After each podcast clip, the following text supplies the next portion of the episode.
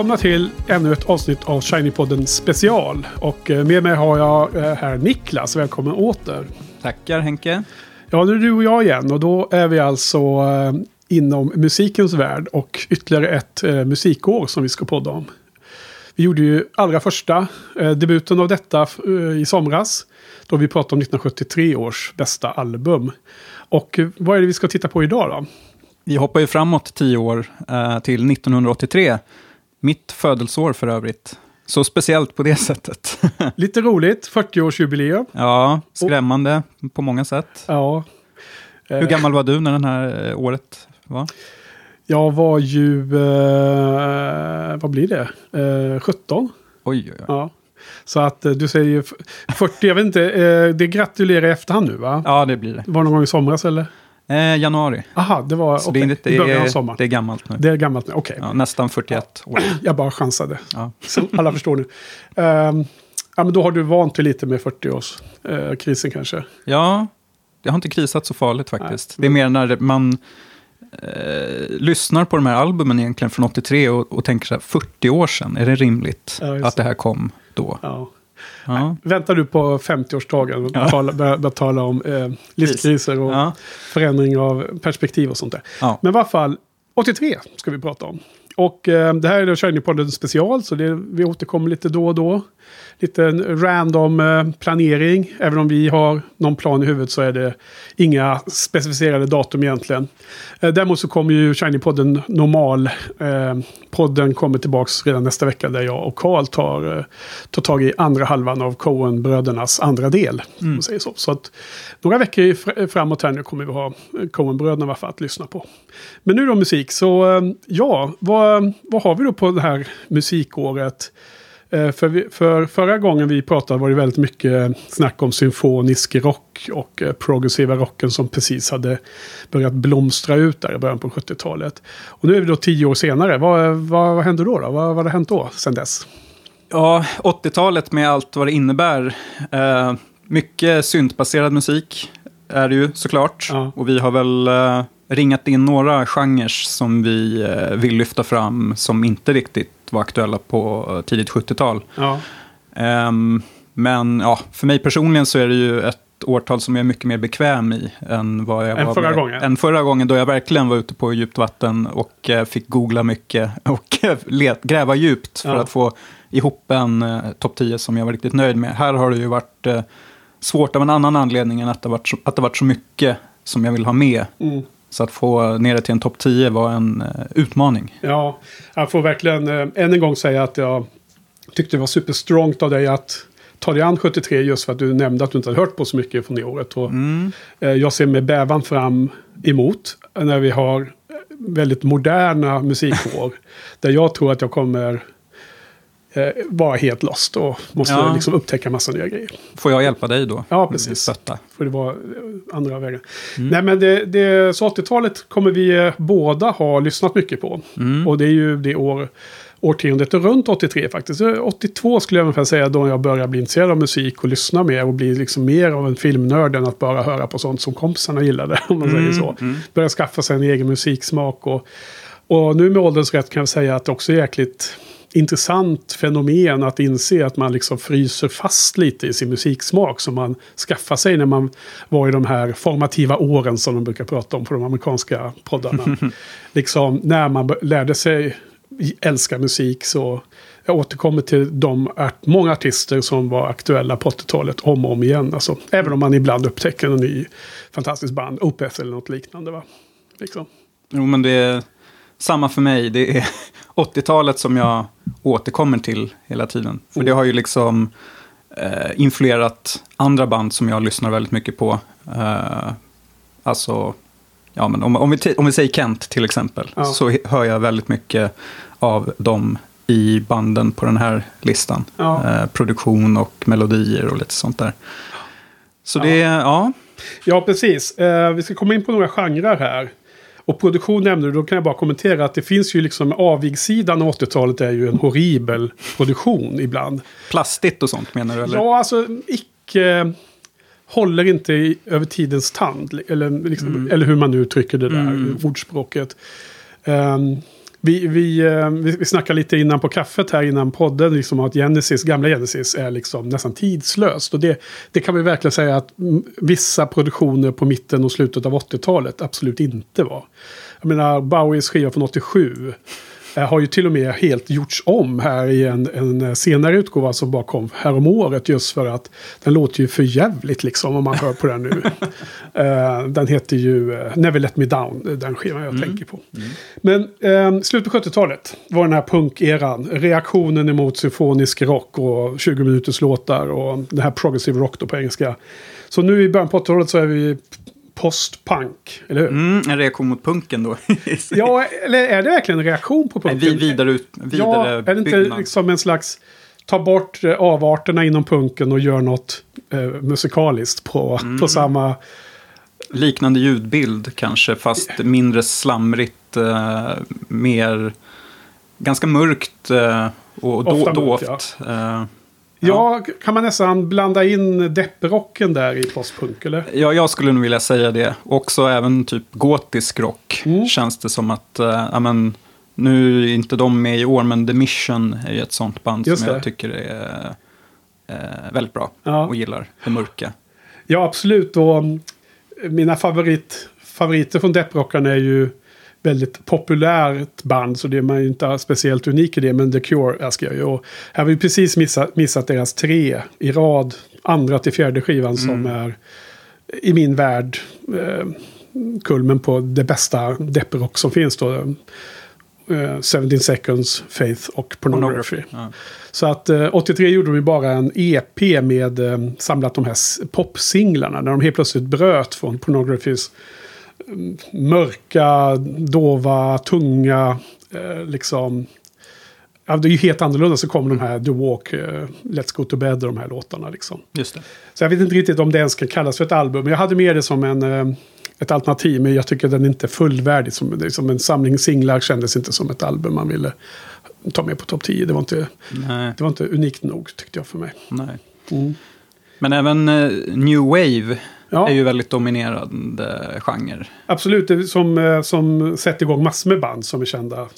Men, men också en ganska stor överlapp här tror jag. Mm. Eh, Vissa band tycker jag man ser som både kallas för eh, postpunk och new wave. Mm. Så det de liksom- hakar i varandra. De, de hakar, ja, precis, de blöder in i varandra. New Wave är väl i regel mer synthesizers och, och sånt. Kanske Ja. lite glättigare ljudbild än postpunken. Precis. Eh, de jag har lis- listat här lite är ju New Order, Ultravox, Talking Heads, OMD. Känner du till dem? Eh, vagt bekant med. Ja. vad, vad står det för? Orchestral Maneuvers in the Dark. Ja. Och sen även Divo. Det var ju något Mm, galet band. Ja, fortfarande aktuella. Hade spelat på Way Out West tyckte jag. Ja. Patrik, eh, kompisen Patrik från Göteborg var ju på den konserten. Aha. Just för att eh, njuta av nostalgi gissar jag. Mm. Patrik från, eh, som var med i Bond. Bondpodden med. Bond-podden. Korrekt. Ja. Du är med, du var med. jag är ett fan, så jag vet. Mm. Men Ja. sen, eh, en genre som jag har skrivit ner också, som vi kanske, kanske inte något man minns med värme, det är väl pudelrocken. Ja. jag har aldrig varit en big fan av det, men min lilla syster eh, Pillan var ju, gillade mycket av det på 80-talet, kommer jag ihåg. Och det var liksom som att det var någon slags variant av hårdrocken. Mm. Eh, men inte Iron Maiden och de grejerna, utan det var ju liksom nästan så att de tog influenser från glamrocken, 70-talet. Och det här eh, liksom var lite så här extroverta och var lite, gärna hade ett långt hår och gärna lite krulligt. Eh, pudelakt, pudelhåraktigt hår. Så pudelrocken helt enkelt. Blev det ju då. Vilka Ja. har vi där då? Ja, men jag tänker väl på kanske Def Leppard som släppte, eh, vad heter det, Pyromania-albumet det här året. Var, var det bra eller? Alltså det har sina stunder, Okej. några höjdpunkter, men precis som de flesta i den här genren så blir det tråkigt att lyssna på ett helt album. Det blir för, för glatt och Ja. sockrigt och sött. Så det, var- det var liksom inte i närheten Nej. för mig. Men, ja, men radiovänlig hårdrock Ja. eh, började väl komma här ganska hårt. Ja, men då kallas det hårdrock, men idag skulle jag aldrig kallas för hårdrock. Nej, Där det finns det- metal och sånt så, Ja, så förstår man att det här är ju liksom rock egentligen. Ja, men det är sånt som man kan höra i, i slager eller Melodifestivalen. Ja, precis. eh, typ. Ja, de, de som var väldigt populära i Skövde i alla fall på 80-talet var ju det här Mötley Crüe.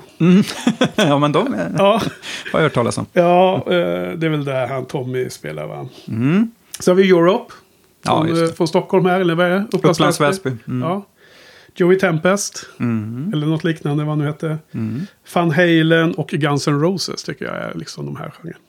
Ja, eh, men sen är det också popmusiken tycker jag drar upp väldigt mycket. Det är väl någon slags för, förlängning av so- soulmusiken som möter syntmusik. Väldigt kända, liksom Madonna började ju 83, hennes debutalbum. Vi har ju Whitney Houston, eh, Rest in Peace, vi har ju Michael Jackson. Han är också död. Och sen, ja men Pet Shop Boys kommer ju där och fyller på och så. Men då går vi in på 90-tal sen liksom. Mm. Mer. Men den, den biten, det är ju inte heller liksom min, eh, min eh, nummer ett-genre. Men det ju, finns ju väldigt mycket pop. Alltså alla dessa Best of the 80s. Fyra CD-box. Liksom. Hur många sådana finns det Det egentligen? finns några stycken. Ja, precis. Men du, då ska vi bara avsluta med, vi har ju då symfonrocken. Vad hände egentligen med den? den? Den var ju död då. Det var ju liksom som, 80-talet var ju som, det har ju tagit dött, död på symfonrocken eller progressive rock eh, på engelskt eh, uttal då. Eller eh, på, på engelska helt enkelt, språket. Um, Progrocken är något helt annat, men det avhandlade vi förra veckan. Eller förra avsnittet då. Den svenska prog- progrocken, vänster, den politiska rocken. Den, Ja, som du inte gillar riktigt. Eh, ja, Det politiska. Ja, ja det, det är väl kanske inte så tilltalande. Men inte heller att jag har fastnat för banden så mycket. Men de, de försvann väl också till stor del. Det blev Mm. liksom... Föll väl isär och så blir det en del solokarriärer, Mikkel Wiehe och så vidare. Mm. Det, fa- det fanns väl kvar på 80-talet, eller? Eller hade han slutat då? Eh, inte min genre heller, Nej. så jag vågar inte Nej, uttala Du mig. gillar inte heller det? Nej, jag ogillar starkt. Ja, ja, det är svårt att säga ogilla om någonting. Jag, när man upptäckte en helt ny genre som eh, lite äldre gubbe. Mm. Alltså jag tänker på countryn. Så, så lär, har jag lärt mig att eh, liksom vänta med att eh, dissa genren. Mm, ja, men, men jag tror att det kommer nog dröja innan jag börjar älska eh, 70-talsproggen i Sverige. Däremot progressive rock älskade jag ju. Det har vi redan pratat om. Det såg vi på förra listan, att det var Ja. mycket sånt. Ehm, men som sagt, 80-talet, då blev det väl lite tufft för många av de banden. Ja, och eh, många av de kända banden på 70-talet kämpade ju på men blev kanske transformerade sig lite mer och anpassade, med, sig- eh, anpassade sig. Jag menar, ett sånt klassiskt band, Yes, har ju en eh, album här med den här låten eh, Owner of a Lonely Heart då, som hit.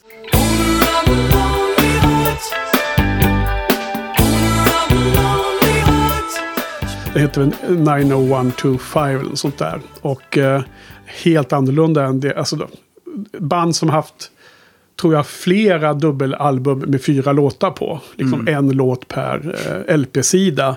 Kom ut till en sån här pop-hit-låt liksom på tre, fyra minuter. Vad tyckte du om det när det begav sig? Var det sellouts då, tyckte du? Ja, ja. Ja, Men nu tycker jag den låter ganska bra. ja men nu har man inte lika mycket prestige längre kanske kring sånt. Dels det, för på den tiden när man växte upp så var det allt prestige när det gäller musik. Ja, det är klart. exakt vilken eh, genre och vilka band inom genren man gillar. Och så. Jag menar, eh, som, som när jag och Sverker, min kompis från sommarstugan som jag växte upp med på redan på 70-talet. Och även de allra tidigaste åren när man började lyssna på musik. Då var det ju Magnus Uggla och Noise. Mm. Versus Gyllene Tider som man inte alls gillade då. då var ju Nej. det var liksom en sån stor kamp som säkert bara var helt konstruerad, helt onödig och oklart om det ens fanns i övriga, någon annanstans i Sverige. Jag har ingen aning om det fanns en sån konflikt. Men för oss på, i vår lilla klick på Tjörn på sommar, eh, somrarna, liksom, på sommarloven, då var det otänkbart att lyssna på Gyllene Tider. Men eh, Magnus Ugglas första fem skivor eller något sånt där, fram till 1980 i alla fall. Och Ja. sen även Noise där, du vet, de första två där. Otroligt eh, mm, inflytelserika, liksom, för mig. Mm. Okej, men du, eh, vi, ska, vi ska införa en liten ny grej nu Mm. eh, på det här poddavsnittet. Så vi har eh, hört runt lite med olika vänner och bekanta. Och få, för att höra lite andra röster om vad, vad var det bästa albumet från 1983. Och här kommer det första bidraget inom detta. Och det här är från eh, Patrik Göteborg. Känd från Bondpodden. Ja. Hej, det här är Patrik från Göteborg. Bästa album från 1983. Det var svårare än vad jag trodde faktiskt. Eh, det finns många bra skivor från detta år men inga superskivor som kanske 1982 eller 84 har. Men eh, bubblarna till den här topplaceringen har jag bland annat eh, Cabaret Voltaires The Crackdown, David Bowies Let's Dance, U2's War och Yazoo's You and Me Both. Men årets skiva får nog ändå bli Depeche Modes Construction Time Again. Detta beror på till 80% ren nostalgi.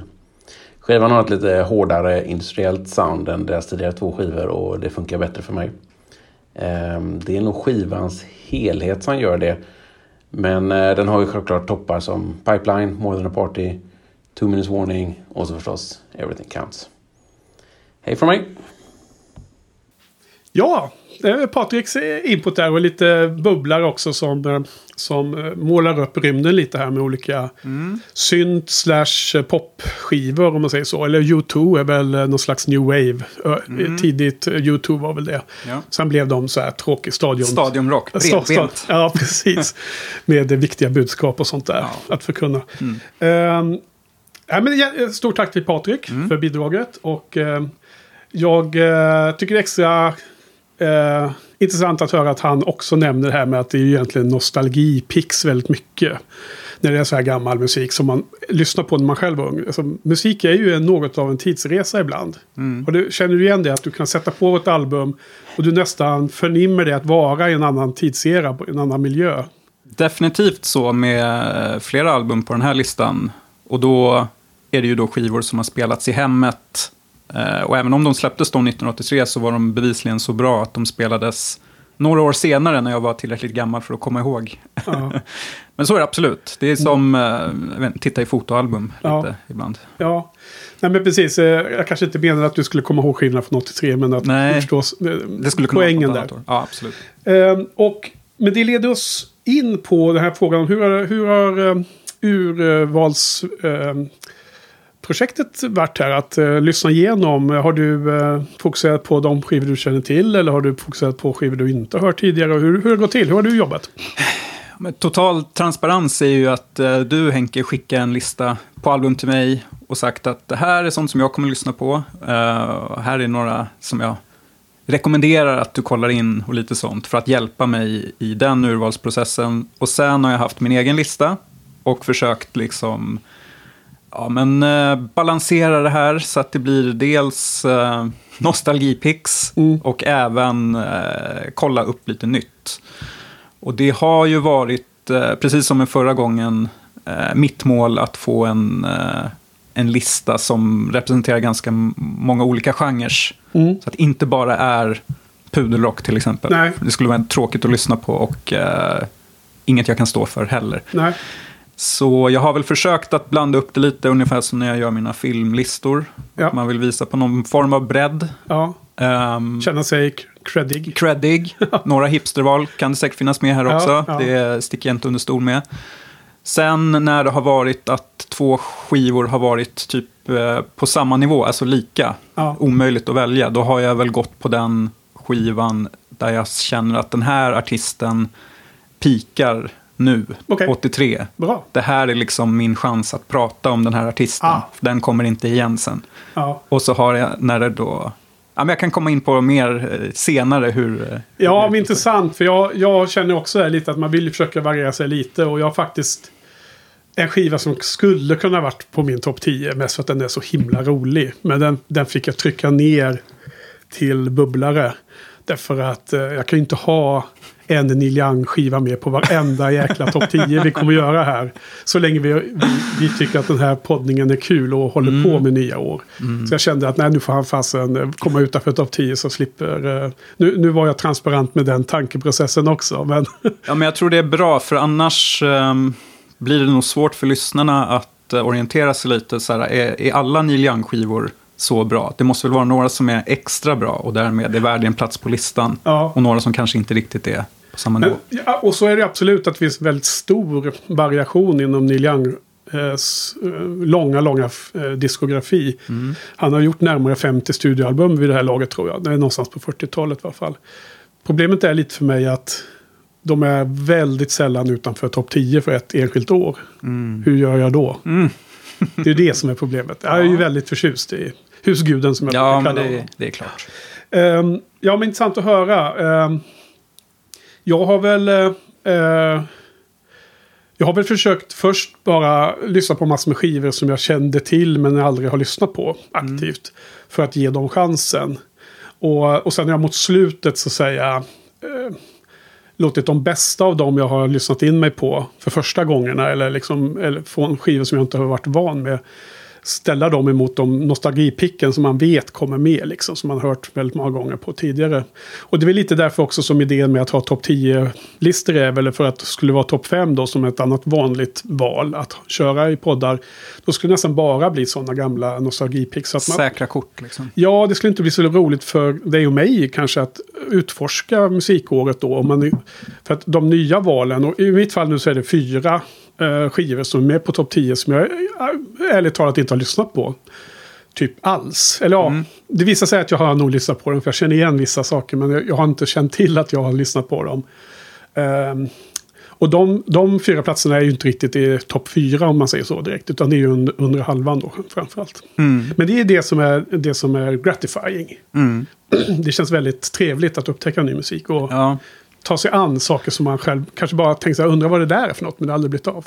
Jo, men jag håller med. Det är nog det mest inspirerande med det här projektet. Att faktiskt hitta ny musik som är så gammal. Ja. Det är häftigt.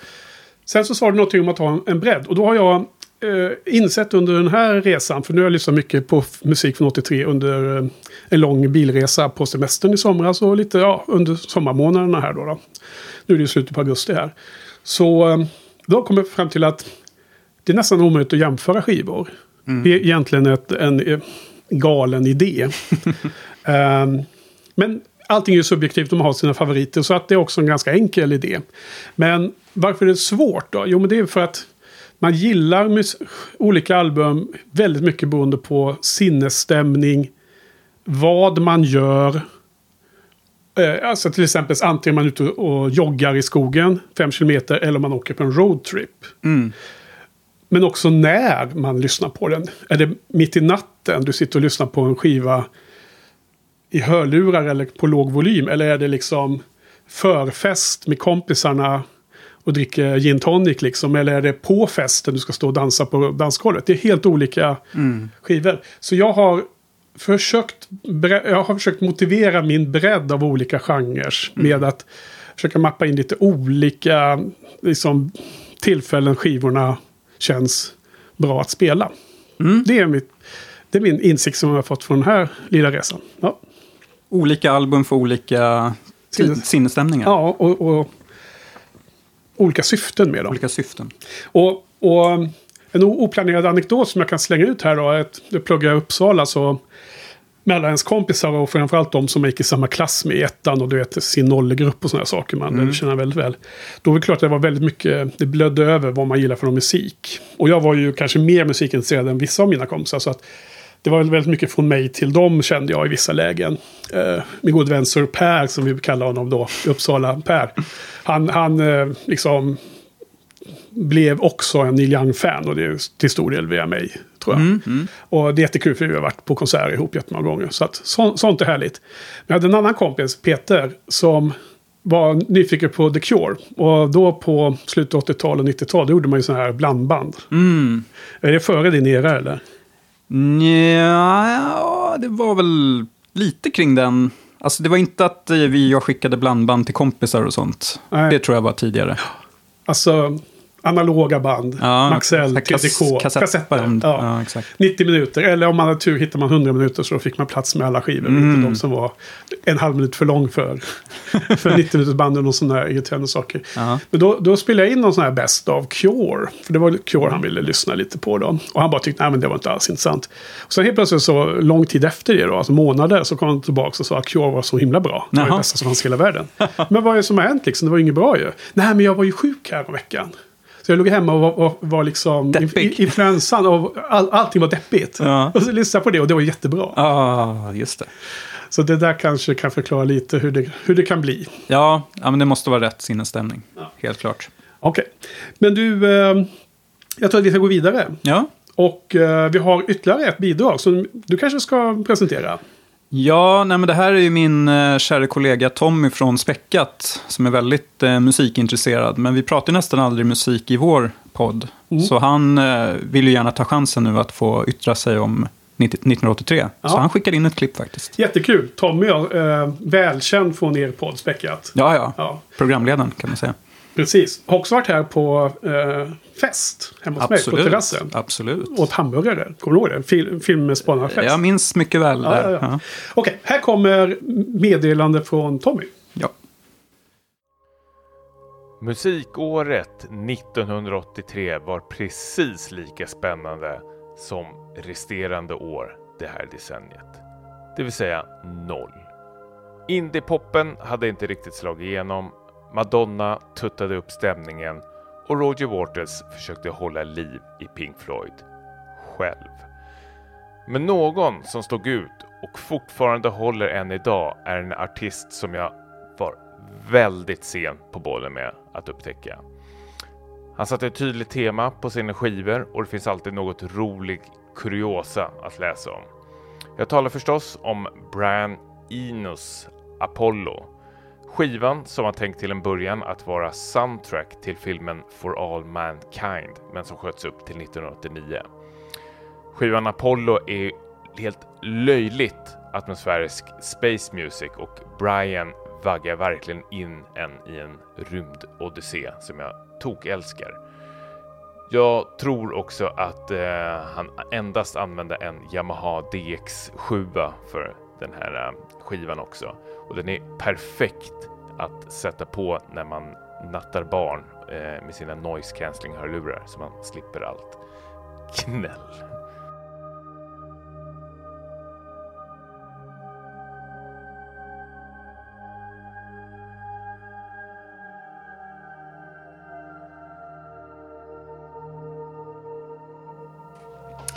ja, det där var väl en, en hot take får man säga.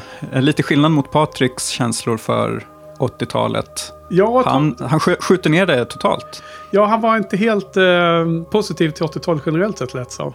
Nej. Jag ska säga, jag känner honom inte jättebra. Eh, Så det, jag, Ty tydligen.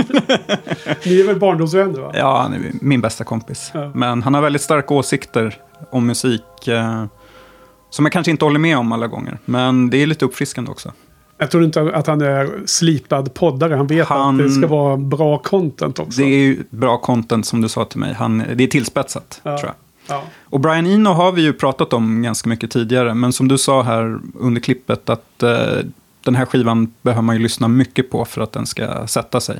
Ja. Atmosfärisk stämningsmusik. Mm. Hade kunnat varit eh, högt, högt upp på listan om man hade lyssnat på den genom sitt liv många gånger. Men när man ska bara liksom försöka ge 20, 30, 40 skivor, nya skivor chansen då. Mm.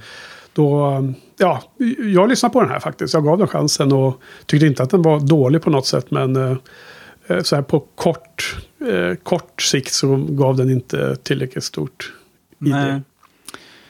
Nej, jag. Men, men Brian Eno är intressant. Det är ju collaborator med David Bowie, eh, Berlin-trilogin. Skrev Mm. låtar ihop med Bowie, spelade på de där skivorna.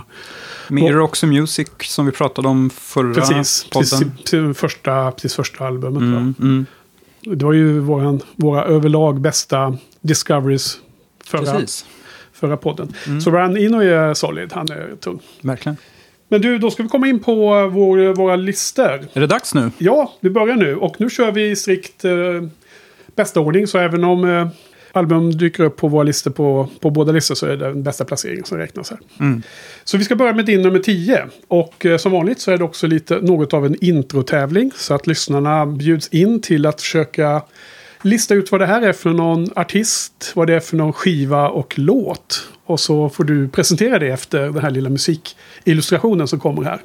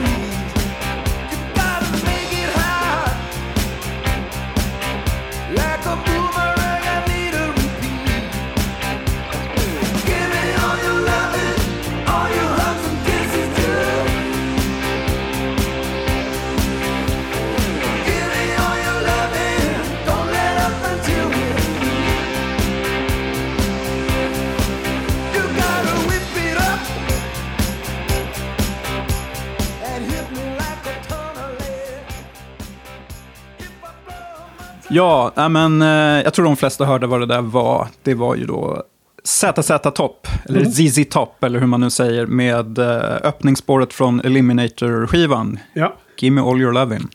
Har du hört den förut? oh, oh ja. Oh ja. De här är vä- välkända i det allmänna musik, eh, alltså det communityn, eh, världen känner till de här låtarna. Och det är ganska, det är två, tre stycken väldigt kända låtar från det här albumet. Absolut. Den hade ett par hitsinglar, minst sagt. Ja. Ehm, jag kände väl, det här var mitt tionde val då. Ja. Ehm, och där, det är det, det valet där jag känner att jag kanske kan ta ut svängarna lite och ta någonting som kanske egentligen inte hade platsat, men jag vill eh, testa lite och se om det, om det flyger med dig. Du, du tar en risk. Jag tar en risk Ja, här. precis. det är inte liksom ett hipsterval direkt. Det här är väl den raka motsatsen. Ja. Men jag tycker att det är en fascinerande eh, skiva, eller en story bakom skivan i alla fall. I, Jaha. i hur, för du känner ju till förstås att det här är ju ett bluesrock, Mm, boogie-rockband. Ja, Som liksom 15 år in i karriären på sitt åttonde album rebrandar sig totalt och börjar introducera eh, synthesi- synthesizers och eh, trummaskiner och eh, blir liksom ett av världens största band eh, tack vare den här, eh, det här upphottade soundet. Eh, och det kom ju sig för att bandledaren eh, Billy Gibbons hade ju börjat lyssna väldigt mycket på, ja, men framförallt då brittisk syntmusik, alltså typ Depeche Mode och OMD. Och ville på något sätt få in det här i eh, sin musik. Mhm. Och då hade de en, eh, en duktig sån här engineer i eh, studion, alltså den som drar i typ Ah, glagen och sånt där. Väldigt viktig, ofta viktig för Pink Floyd och sånt också. Ja, Nej, men precis. Eh, som hette Lyndon Hudson. Okej. Som liksom hjälpte Sätt Sätta Topp att eh, förstå hur de skulle nå ut till den här mer bredare massan. Ja. Och då hade han bland annat gjort egna efterforskningar och sett att eh, de flesta hitlåtar eh, runt den perioden i alla fall gick i 124 BPM. Okej. Och då så liksom skruvade de åt de här trummaskinerna lite och skruvade upp eh, hastigheten på låtarna så att det blev ett bra tempo. Okej, ja. Det är väldigt tajta låtar de här på Ja. eh, Eliminator-plattan. Ehm, och hitsinglarna då som du nämnde där innan, det är ju, förutom den vi hörde så är det ju Sharp Dressed Man och eh, Legs, är Ja. väl kanske de stora. Som, som hade såna här musikvideos som var ganska omtalade också med Ja, men- snygga damer och bilar och... Med, ja. med långa ben och sånt. ja, I högklackat. och långa skägg. Ja, men det var ju... Eh, ja, för mig var det väldigt mycket att de slog igenom via MTV faktiskt. Som var ganska mod- nytt vid det här, vid det här tidiga 80-talet. Eller Mm. Ja, hur? men de, precis, de förstod ju liksom hur viktigt det var Ja. att ha bra koncept.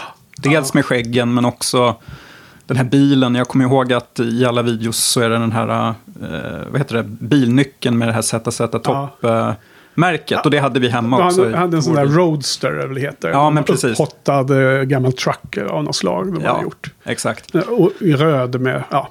Ja. Nej, men så jag kände väl att det här valet, det är ju väldigt mycket 80-tal för mig. Mycket roadtrip-känsla och ehm, Ja, men en liten så här förbjuden eh, hybrid mellan hårdrock och synt. Det har vi inte berört, men det var väl det var inte helt eh, enkelt att bara blanda in keyboards i... Eh... Nej, men ja, även om jag kanske tänker att det är Van Halen och Europe och den typen Mm. av puderrock så var det väldigt mycket synt där. Det började väl komma här. Final Countdown är ju Ja, bara synt. men jag tänker att ett band som ZZ Top, eh, publiken där som är van vid bluesrock Mm. och eh, boogie-rock, kanske inte riktigt var beredda på eh, den här förvandlingen som de gjorde. Nej, det förstår jag. Alltså vi, vi har ju bestämt att vi lyssnar ju in oss på, på varandras topp 10 för vi eh, nu inför poddningen så vi ska kunna ha en dialog om albumen. Så, det, så att eh, även, om, även om jag eh, discardar den här ganska snabbt i min urvalsprocess så, eh, så har jag ju lyssnat på den mer därför att den dök upp på din topp 10 ju. Så, så var det ju.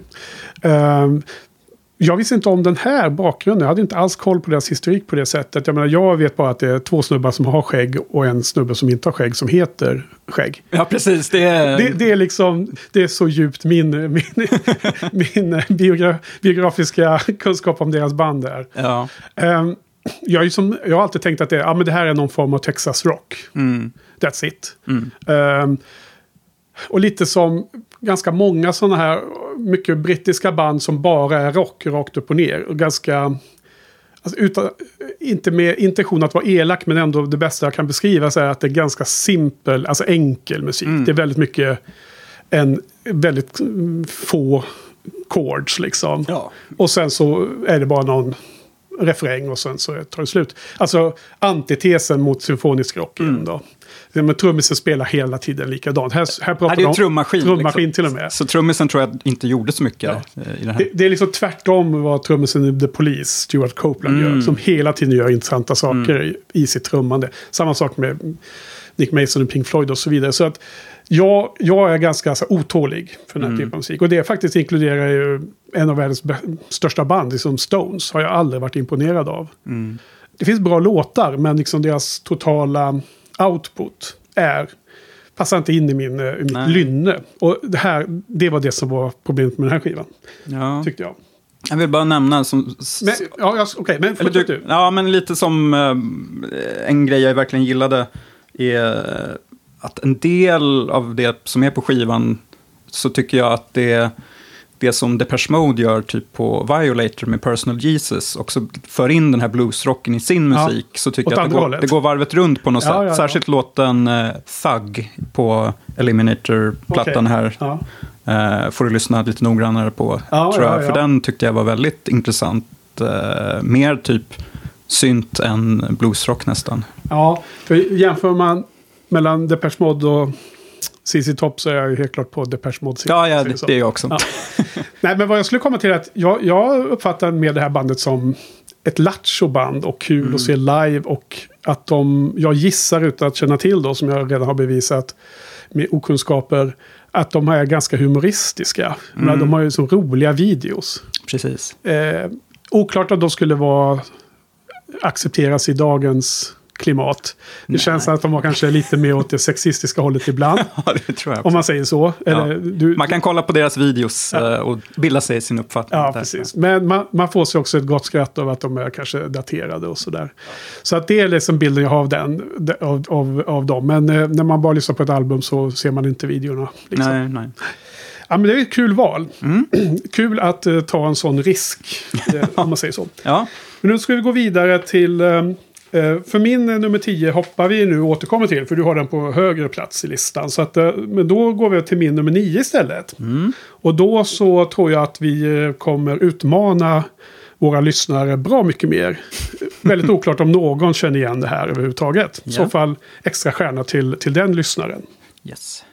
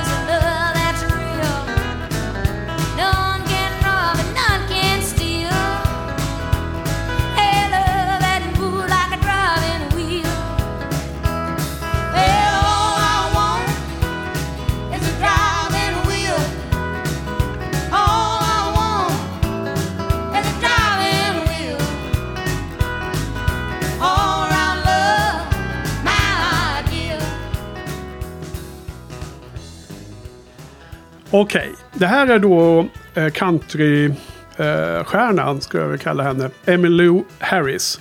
Hennes album heter White Shoes från det här året. Och det här är då inledningsspåret från den, eh, från det albumet. Den heter Driving Wheel. Skriven av T-Bone Burnett. Eh, och som många countryskivor är, men inte alla givetvis, men det är mycket covers och så. Hon har ju, eh, jag har lyssnat mycket på hennes modernare saker. Och då skriver hon musiken mer själv också, har jag en känsla av. Så det här var en av de här discoveries. Eh, det var en artist jag gillar men en skiva jag aldrig hört tidigare. Det lustiga är att det är lite så här rockabilly-style över vissa av de här låtarna. Vilket kändes nu när vi spelade låten här i poddstudion. Att det liksom hakade i lite i ZZ Top. Så det var en, eh, en oplanerad men lustig eh, aspekt här. Ja. Ehm, den här är en typisk sån eh, skiva. Eller skivan är otroligt skön att lyssna på som helhet. Lite svårt nästan att ta ut de bästa låtarna. Jag tyckte ändå att den här in, första låten hade ett schysst intro så jag valde den. Men hon har ju bland annat då cover på en låt, eh, Donna Summer-låt som också är skriven av Giorgio Moroder. Så här, On the Radio Okej. som Emilio gör på ett helt annorlunda sätt som är väldigt bra. Och sen gör hon också en gammal klassiker som heter Diamonds Are a Girl's Best Friend på ett countryversion. Um, jag gillar hennes sångröst och det här är en typisk skiva som man spelar sent om kvällen. Eller när man inte vill ha någon hetsig musik på en längre roadtrip. Funkar den väldigt bra. Som ofta country gör. Och eh, jag har ju upptäckt att från att inte ha inte lyssnat på country alls under större delen av, min, av mina formativa år eller efter det. Så är det liksom, ja, efter jag har passerat din ålder nu ungefär som jag börjat intressera mig för det. Jag, min hot take blir här att jag tror nästan att alla människor, givet att de ger genren chansen, blir antagligen countryfans till slut. Förr eller senare. Ja, eh, därför att det är ju helt otroligt bra visar det sig. Eh, det är väldigt brett också, det finns mycket skit, det är jag säker på. Men om man hittar sina favoritartister så kan man bli blown away av musikskatten som finns där. Så eh, ja, hon fick eh, plats där helt enkelt. Plats nio. Ja, ja nej men jag, eh, jag tror country fortsättningsvis inte helt min genre ännu, men det låter ju som att det kanske kommer snart, att jag kommer plocka upp den om några år kanske, man vet Kanske aldrig. om, om, den, om den prediktionen. Ja, nej, men jag, jag gillar enstaka låtar framförallt tror jag. Den vi spelade tycker jag var väldigt bra och så var det någon låt som jag tyckte påminner lite om Fleetwood Mac, eh, Max 70-tal. Okej. Som jag uppskattar. Nu Okej. minns jag inte vad den låten hette. Titelspåret kanske. Ja, Ehm. ja det kan vara. Jag, jag kopplar inte direkt så här. Nej. Men det är också en skiva jag inte hört tidigare så jag har inte alla låtar i huvudet liksom på det sättet. Men eh, här är det, vi har ju ganska många bubblare. Och det är ganska många av de skivorna som mycket väl kunde ha hamnat här på plats 6, 7, 8, 9, 10. Eller ja, de, de sista tre, fyra platserna åtminstone. Varierade ganska mycket. Ja. Så att nu blev det så. Ja.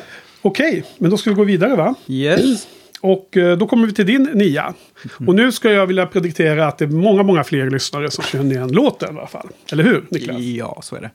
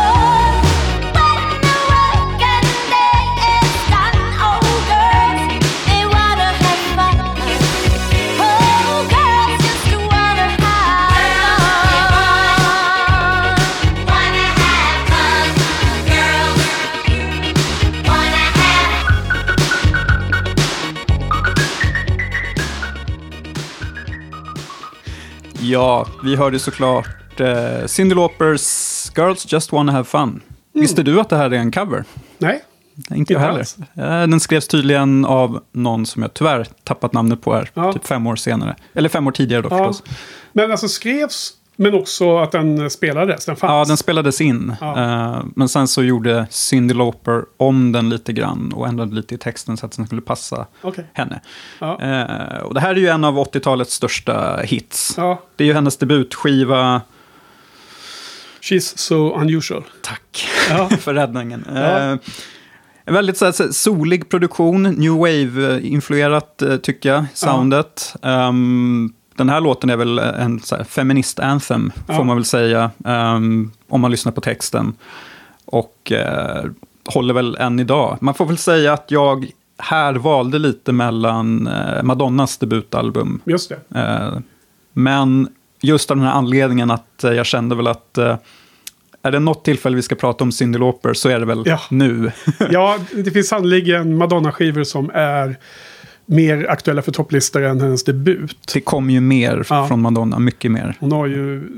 Det, det är som att Madonna har, först har en pop-era och sen har en, en unik era. Hon, när hon, blir, hon gör musik som bara hon gör. Precis. Plötsligt. Precis. Och då är, blir det mer intressant tycker jag. Ja. Även om den här låten Holiday från första Madonna-skivan är ju så bra så det nästan fick hennes skiva Ja. komma med in. Ja, den lista. är, den är en klassiker. Holiday. Holiday. Ja, Vad tyckte du om den här eh, plattan?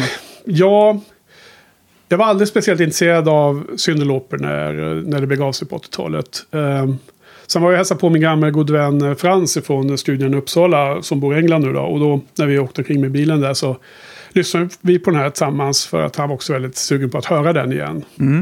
Och då var vi båda lite så här, vi är nästan lite besvikna för att det är liksom några låtar, det är väl två låtar va? Den här plus den här Time After Time som Ja. man har hört på radion så himla många gånger. Liksom så här, as heard on radio, så kommer den då. Och sen resten äh, gav inget djupare intryck så att den var aldrig aktuell för mig faktiskt. Nej. Eh, Men däremot så är det väldigt intressant att eh, hon dyker upp här på din eh, lista. Därför att jag råkade hamna på någon e-mail-lista eller om det var via Twitter.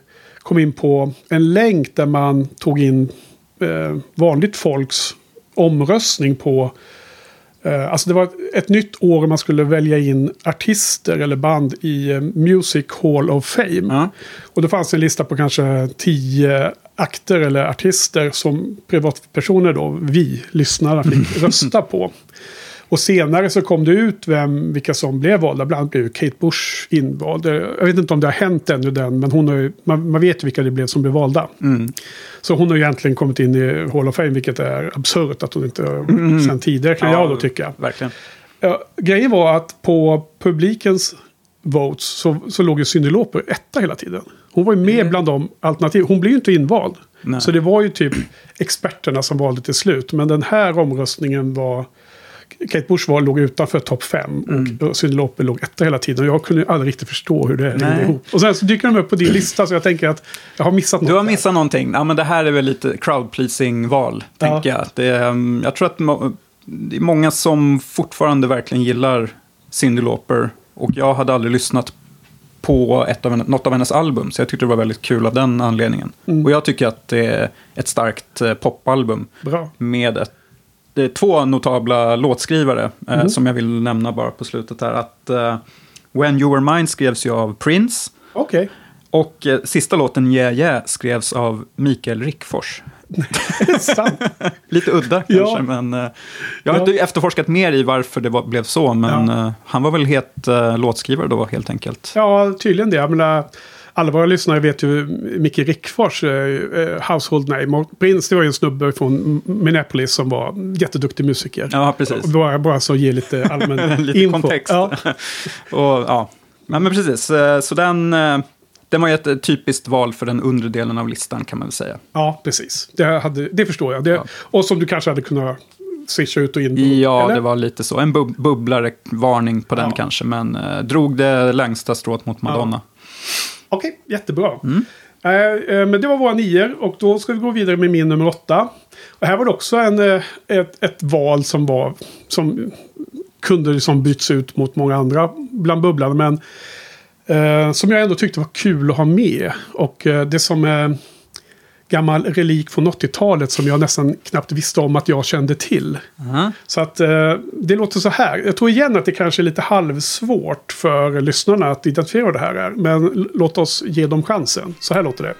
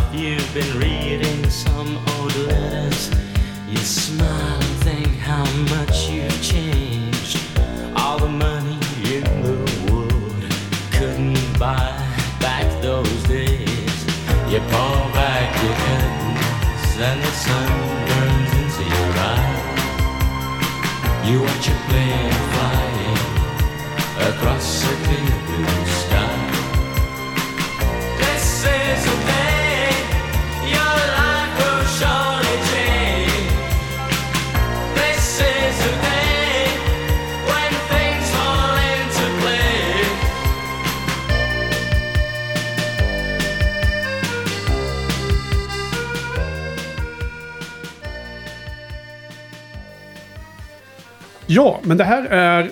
Eh, artistnamnet är The The. Och eh, eh, albumet heter Soul Mining. Och eh, låten heter This is the day. Som jag tycker är eh, skivans bästa låt. Eh, det här är ju någon form av new wave-aktigt. Av en artist som heter Matt Johnson. Har jag läst på på Wikipedia. Han verkar vara något av en... Egensinnig, eh, välkänd musiker i England. Om man säger så. Eh, det var lustigt nämligen för att jag känner igen omslaget väldigt väl. Men trodde att jag nog aldrig lyssnat på det här. Sen när jag lyssnade på albumet, för att av någon anledning så valde jag en som de här, en av dem jag måste ge chansen nu. För att jag, jag har liksom sett den här skivan så många gånger i de här eh, vinylbackarna man har stått och bläddrat i under, på skivmässor och i skivaffärer under hela 80-talet. Och när jag hör på skivan så känner jag igen det liksom. Och eh, jag känner igen rösten och jag känner igen stilen. Och jag måste ha hört på det här någon gång. Och jag, det, jag har verkligen rannsakat mig och försökt komma ihåg om jag har någon kompis från uppväxttiden som gillar the, the. Men det är svårt att placera det. Men däremot så vet jag en, en av kompisarna i Skövde på den här, eh, det här gänget vi växte upp med där. Per Hagman, han gjorde en, ett blandband till mig som jag spelade otroligt mycket under no- några år. På andra halvan 80-talet. Eh, och jag tänker att det här är precis sån typ av musik som man skulle ha haft med. Så jag, jag väljer att eh, tänka mig att det är där jag har hört det. Och det gjorde att det blev en discovery på det sättet att jag har ju verkligen inte hört hela skivan rakt igenom på det sättet. Men det är också en liten eh, släng av nostalgisk känsla i det hela. Men det känns som ett hippt val ändå. Ja, men det är det Ett, kanske. hi- ett hippt band ja. som jag eh, bara har hört talas om och knappt hört något av. Den här låten är ju med i en eh, ganska aktuell film, eh, Guardians of the Galaxy volym 3. Jaha, är den det? Ja, Den har jag ju sett. ja, men varken du eller jag gillade ju den filmen jättemycket. Nej. Så, men jag tycker mig känna igen att jag hörde den därifrån. Så du menar att det är där jag kan blanda ihop det? Att det är där jag har hört det? Ja, ja, det känns inte så. För det här, det här känns som att jag kommer ihåg det från mycket, mycket längre tillbaks. Däremot så eh, kanske jag kände igen det då när jag såg filmen eller något sånt där. Ja, oklart. Ja, Men eh, det är den låten och den där andra eh, som du nämnde. ja det finns en låt som heter Uncertain Smile också som jag gillar skarpt Ja. på den här skivan. Det är jättehärlig piano. Eh, verkligen få igång groove i andra halvan av en ganska lång låt. Med härligt pianolir. Ja, och den, de två låtarna är ju de överlägset mest lyssnade på på Spotify, såg jag. Mm. Ja, Så okej. att det, det verkar vara den här plattan som kanske är den mest uppskattade, Ja.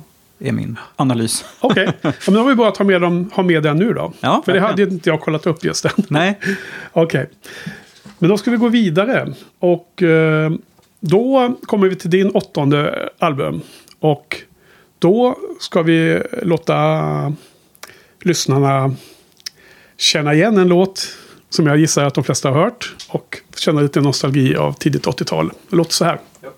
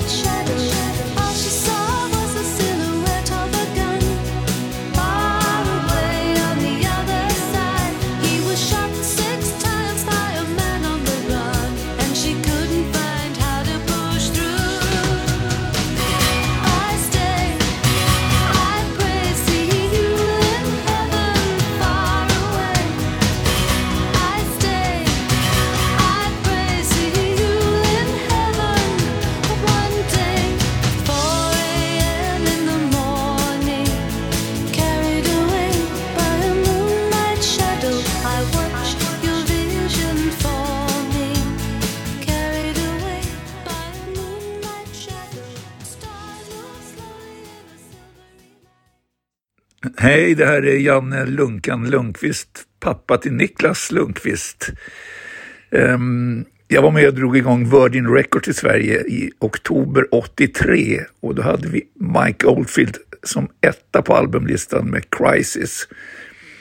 Och låten som stack ut därifrån var ju Moonlight Shadow. Ja, men som min eh, pappa sa där så var det ju Mike Oldfield. Ehm, och jag har dubbelkollat så att hans uppgifter stämmer och att albumet låg etta på eh, svenska albumlistan. Och det gjorde det. Eh, det var en stor framgång för Mike Oldfield ju, inte bara på grund av den här låten som vi hörde, utan det var ett framgångsrikt album. Och eh, det här är väl den första artisten nu som vi pratar om som var med på 73-listan. Just det, du hade med. Ja, exakt. Med Tubular Bells var det då. Och nu har det ju gått tio år. Och här, nu har han ju börjat gå över till en mer kommersiell sida, märker man. Och det tror jag att han gjorde redan på föregående albumet ehm, Five, Miles, Five Miles Out. Okej.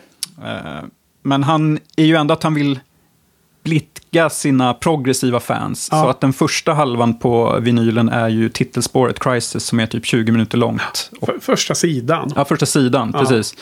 Och den andra sidan är den poppiga, med fyra poplåtar egentligen, med lite gästartister. Eh, och jag tycker att det funkar, dels tycker jag att eh, Crisis, eh, den långa låten, är mycket bättre än den långa låten på 73-plattan. Ja. Att det låter intressantare rent musikaliskt och han väver in lite heavy metal också, vilket är uppfriskande. Men sen är det ju de här poplåtarna som är just den här låten med lite så här vaggvisa eh, sången från Maggie Riley Just som det. är väldigt eh, tilltalande. Ehm, och han har ju ändå sin egen stil med lite lätt elektroniska vibbar men ganska gitarrbaserat och lite folkrock-stuk. Eh, och det här är ju ett, ett nostalgipick, det sticker jag inte under stolen med, just för att eh, det spelades mycket hemma och på bilresor och sånt. Så det är det. kul att lyfta fram. Och din, din, eh, din pappa har jobbat då med Mike Oldfield och Ja, och- haft med honom och business? Jag har träffat honom flera gånger. Ja. Först ville jag att han skulle berätta nå- någon trivia om när han träffat honom, men det var någon otydlig historia på Café Opera när Mike Oldfield eh, Okej. beställde in massa dyra viner. Ja. Så det kunde vi inte ha med. Där blev, fick vi hålla det kortare istället. Ja, okej, okej. Det kanske var också att minnena var lite suddiga. Ja, från den kvällen Ja. troligtvis. Ja. Eh, Och kanske åldern också. Men det var inte någon eh, ge bort någon Bentley eller sånt här som ingick i den Nej, anekdoten. nej inte den gången. Nej, nej. Men vad, du är ju också Mike Oldfield-fan. Var det här en nära?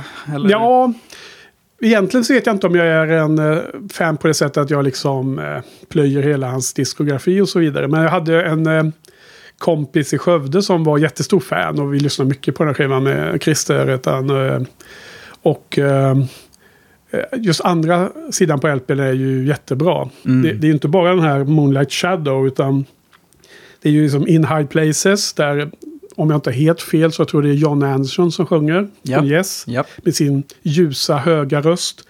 Sen är den här Foreign Affair och Shadows on the Wall. Jag menar, det- det är bara bra låtar. Ja.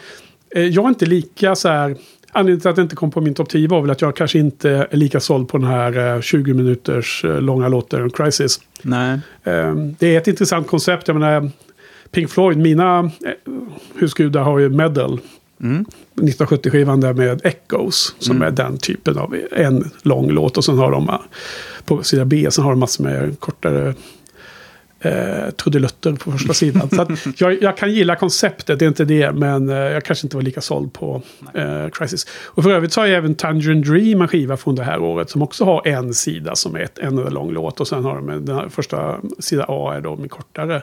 Och den, eh, den tycker jag nästan var starkare än eh, Mike Oldfield. Men, men det är bara för att jag har inte så mycket nostalgiska Nej. krokar som... Som jag har. Ja.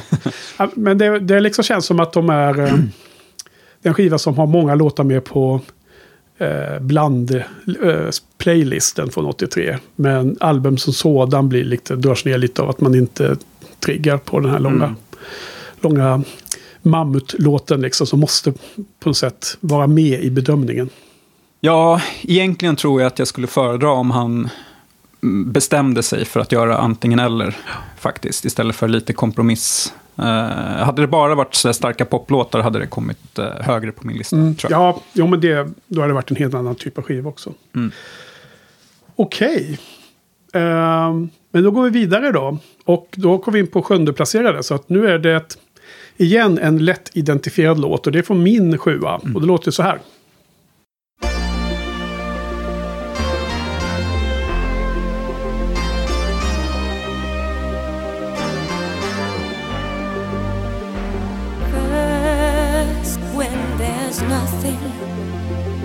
But a slow glowing dream that your fear seems to hide deep inside your mind. All alone, I have cried silent tears full of pride in a world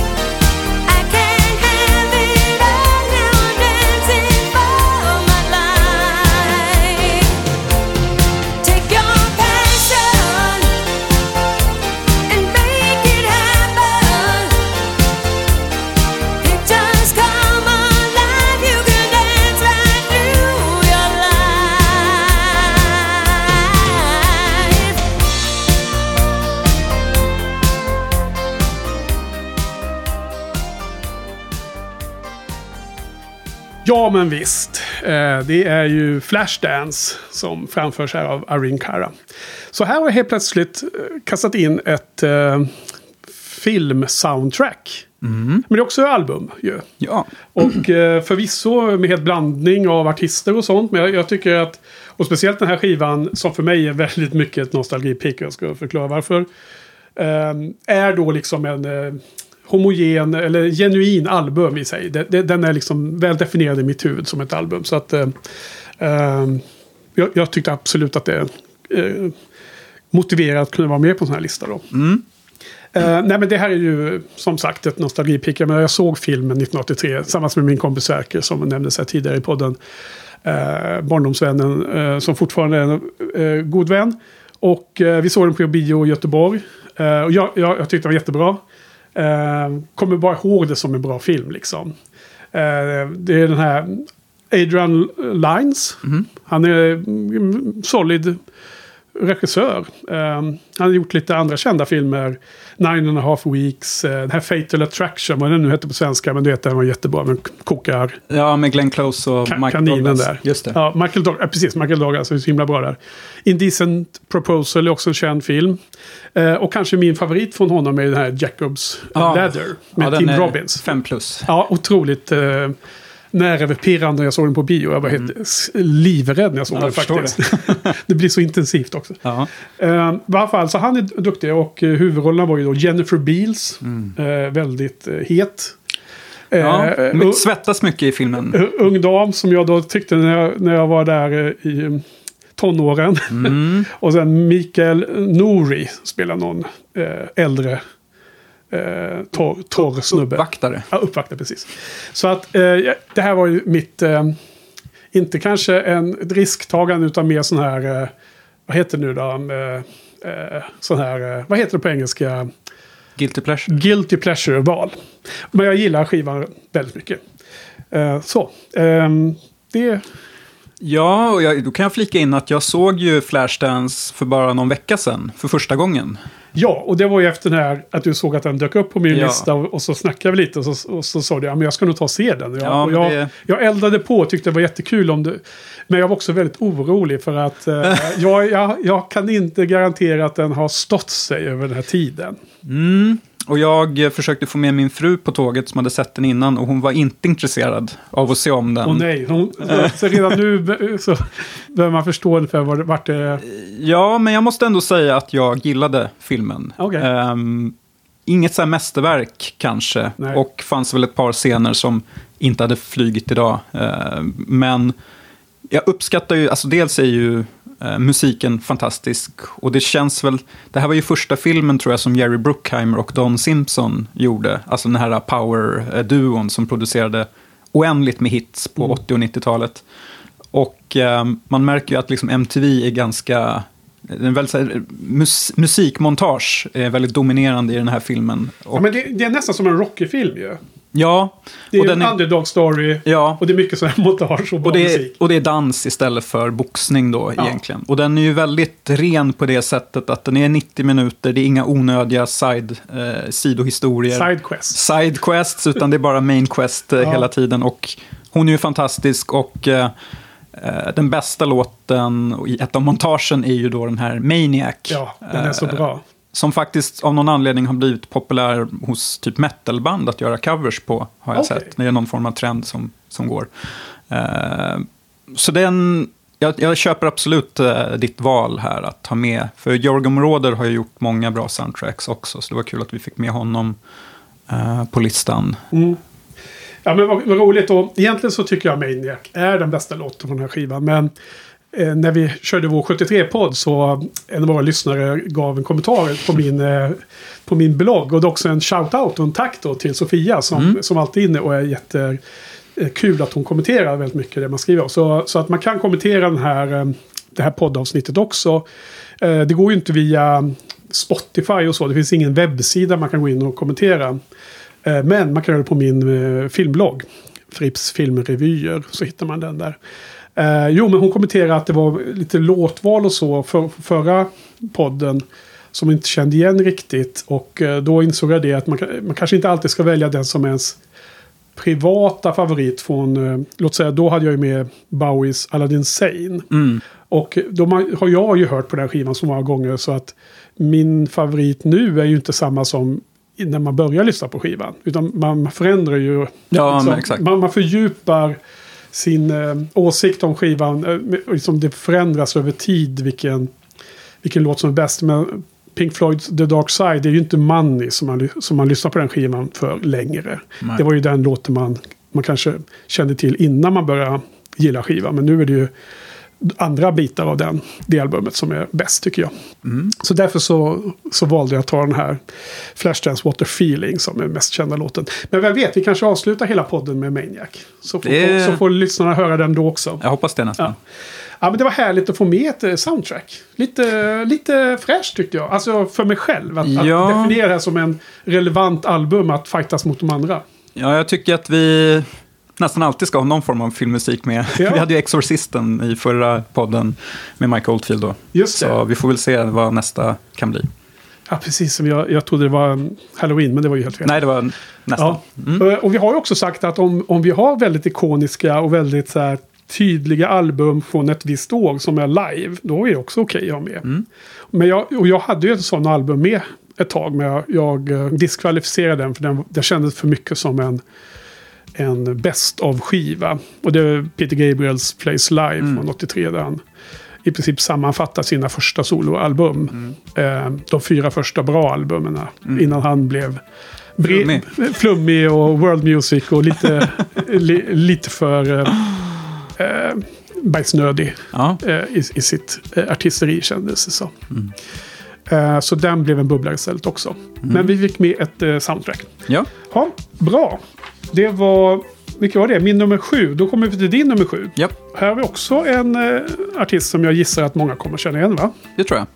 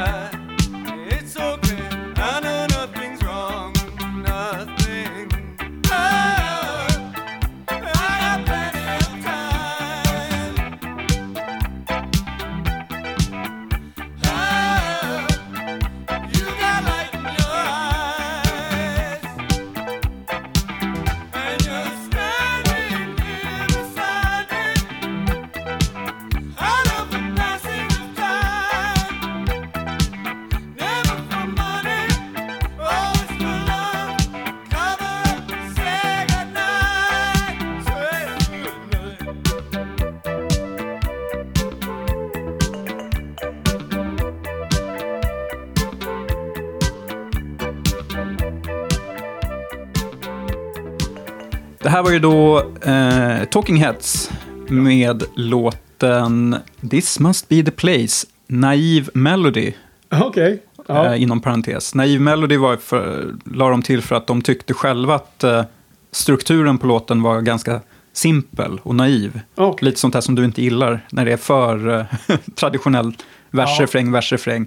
För de är ju mer kända, eh, Talking Heads med David Byrne i spetsen, att väl vara ganska experimentella och ändra och utforska nya musikstilar mellan albumen. Ja, och det kan jag väl säga direkt att jag, jag ser... Jag tänker inte på Talking Heads som speciellt eh, simpla eller mainstream. Nej. Nej, de är ju lite svårare, ganska hippa. Ja, men det är lite credit det här. Det är väldigt credit och det, för mig har väl Talking Heads eh, i det här avsnittet blivit väl som Roxy Music i förra. Att det är Ja. ett band jag alltid har känt till och bara hört lite hits. Men aldrig lyssnat på ett album. Och nu tar chansen och verkligen gillar Ja, det jag hör. Så den här har gått varm i sommar. kul. Eh, Discovery. en Discovery och eh, här så är de väl väldigt influerade av så här funkmusik, alltså svart musik. Eh, det svänger ganska rejält tycker jag om låtarna. Ehm, och de eh, samarbetade ju med just Brian Eno på albumen innan, eh, men har här splittat från honom och eh, gör det själva istället. Och här eh, märker man väl att eh, de börjar kanske spreta lite åt olika håll. Den här skivan, sa vi vad den hette? Speaking in tongues. Vi sa det inte, men nu sa du det. Nu sa jag det. Ja. Femte skivan. Ehm, efter den här så kom ju, apropå livealbum, uh, Stop Making Sense. Som är en så ikonisk liveplatta som det även blev en konsertfilm Ja. av, av han Jonathan Demi. Dem, Ja, okej. När lammen tystnar. Ehm, så den, den kommer ju vara ett alternativ för mig i, för 1984-året. Ja, ja. Och då tänker jag att jag kanske ska kolla på filmen också. Ja, Eh, jag har faktiskt inte sett den live-konserten. Nej. Men Eh. vad är din tanke? För du har, jag har snappat upp att du är inget jättefan av uh, Talking Heads. Nej, precis. Eh, är det här deras bästa skiva? Anses det som? Nej, det anses vara den som kom 1980. Jaha. Som Brian Eno producerade. Jag kan inte namnet Nej, på den just nu. Men på framsidan är det de fyra ansiktena som är typ översuddade. Eller någonting. Okej, ja, jag, tror jag har sett den också. Mm. Ehm, nej, men det alla de här artisterna, eller, eller de kända på våra listor från 83, är ju sådana som man har sett i skivbackarna. Mm. När man växte upp. Nej, jag, jag vet inte, alltså det är... eh, Jag har, jag har all respekt för David Burns artisteri som eh, likt en Brown Ferry. Mm. Väldigt tydligt ID och väldigt tydlig eh, liksom plats i huvudet när man hör hans sångröst och så. Men jag, jag liksom synkar inte så bra med han, just hans sångröst och hans stil att sjunga. Eh, jag, jag kan tänka mig att eh, om man gillar det så kan man verkligen älska det och liksom se, verkligen liksom hylla det. Se det som en av de viktigaste aspekterna av deras musik. Men det, det slår ju åt två håll, den, den aspekten. Ja. Och eh, folk kanske tycker att jag är helt galen. Och du lyssnar på Neil Young, han sjunger inget bra. Men det, det är inte det det handlar om egentligen. Utan det är ju någonting som, som, som man Connecta med. connectar med och synkar in i. Frekvensen passar för en liksom. Jag menar, en av världens största artister, Nobelpristagaren Bob Dylan. Man, man kan ju inte anklaga honom för att sjunga bäst i världen. Nej. Speciellt nu i slutet på hans karriär. Men han har ju känslan och själen och texterna och allting bakom. Liksom, en artist, vi återkommer till det senare i den här podden. En artist är ju mer än bara den personens musik och lyrics. Det är också hur de beter sig runt omkring.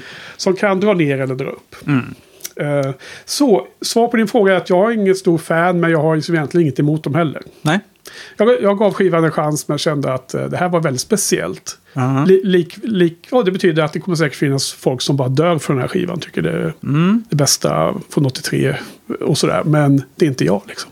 Nej, för mig, för mig slår det väl över på andra hållet att jag verkligen gillar eh, David, David Burns eh, sångröst. Alltså hans nerviga, lite Ja. så här stressade nästan som att han eh, går på något uppåt-tjack eller någonting. För han känns så väldigt eh, intensiv i vissa låtar. Ja, Eh, och det kan man ju tycka vad man vill om, men jag tycker att det passar det här också väldigt 80-taliga soundet Ja. på något sätt. Nästan så American Ja, Psycho-känsla. det. Lite åt det hållet, ja. Får jag. Bret Eh, Easton Ellis-vibe över det hela. Ja, precis. Och eh, utöver den låten vi hörde så finns ju också Burning Down the House. Ja. Eh, som är, kanske många känner igen från eh, Cardigans och Tom Jones-covern. Jaså, finns en cover? Har du, har du missat det? Oklart. Inget jag, jag, jag tänker på direkt. Så här. Jag, menar, jag, jag vet att den låten är inledning på den Mm. konsertfilmen som du nämnde. Och den gått på MTV och sånt där. Och, och där... Eh, jag trodde att det var deras mest kända låt faktiskt, Ja. om jag ska vara helt ärlig. Ja, de har många hits nu när jag har kollat faktiskt. Ja. Eh, Så jag... eh, Men det, det var en cover. När, när, när kom det? Ja, alltså eh, Talking Heads är ju originalet då. Ja. Och sen så för kanske 15 år sedan kanske kom Ja. en Cardigans-version. Ah, okej. Som var stor på MTV. Jag förstår. Eh, Cardigans är också ett band som jag inte riktigt har synkat med och aldrig riktigt eh, kommit in i. Jag vet att de är många, många som gillar dem, inte minst i Sverige då förstås. Mm. Även om de slog väl USA väldigt stort va? Absolut. Nej men eh, det här är intressant val. Det var inte min liksom, kopp av te som man säger. Nej. Men jag, jag tycker att den är, eh, det är ett band som är eh, relevant för en lista på det här sättet. Så. Ja, men de platsar.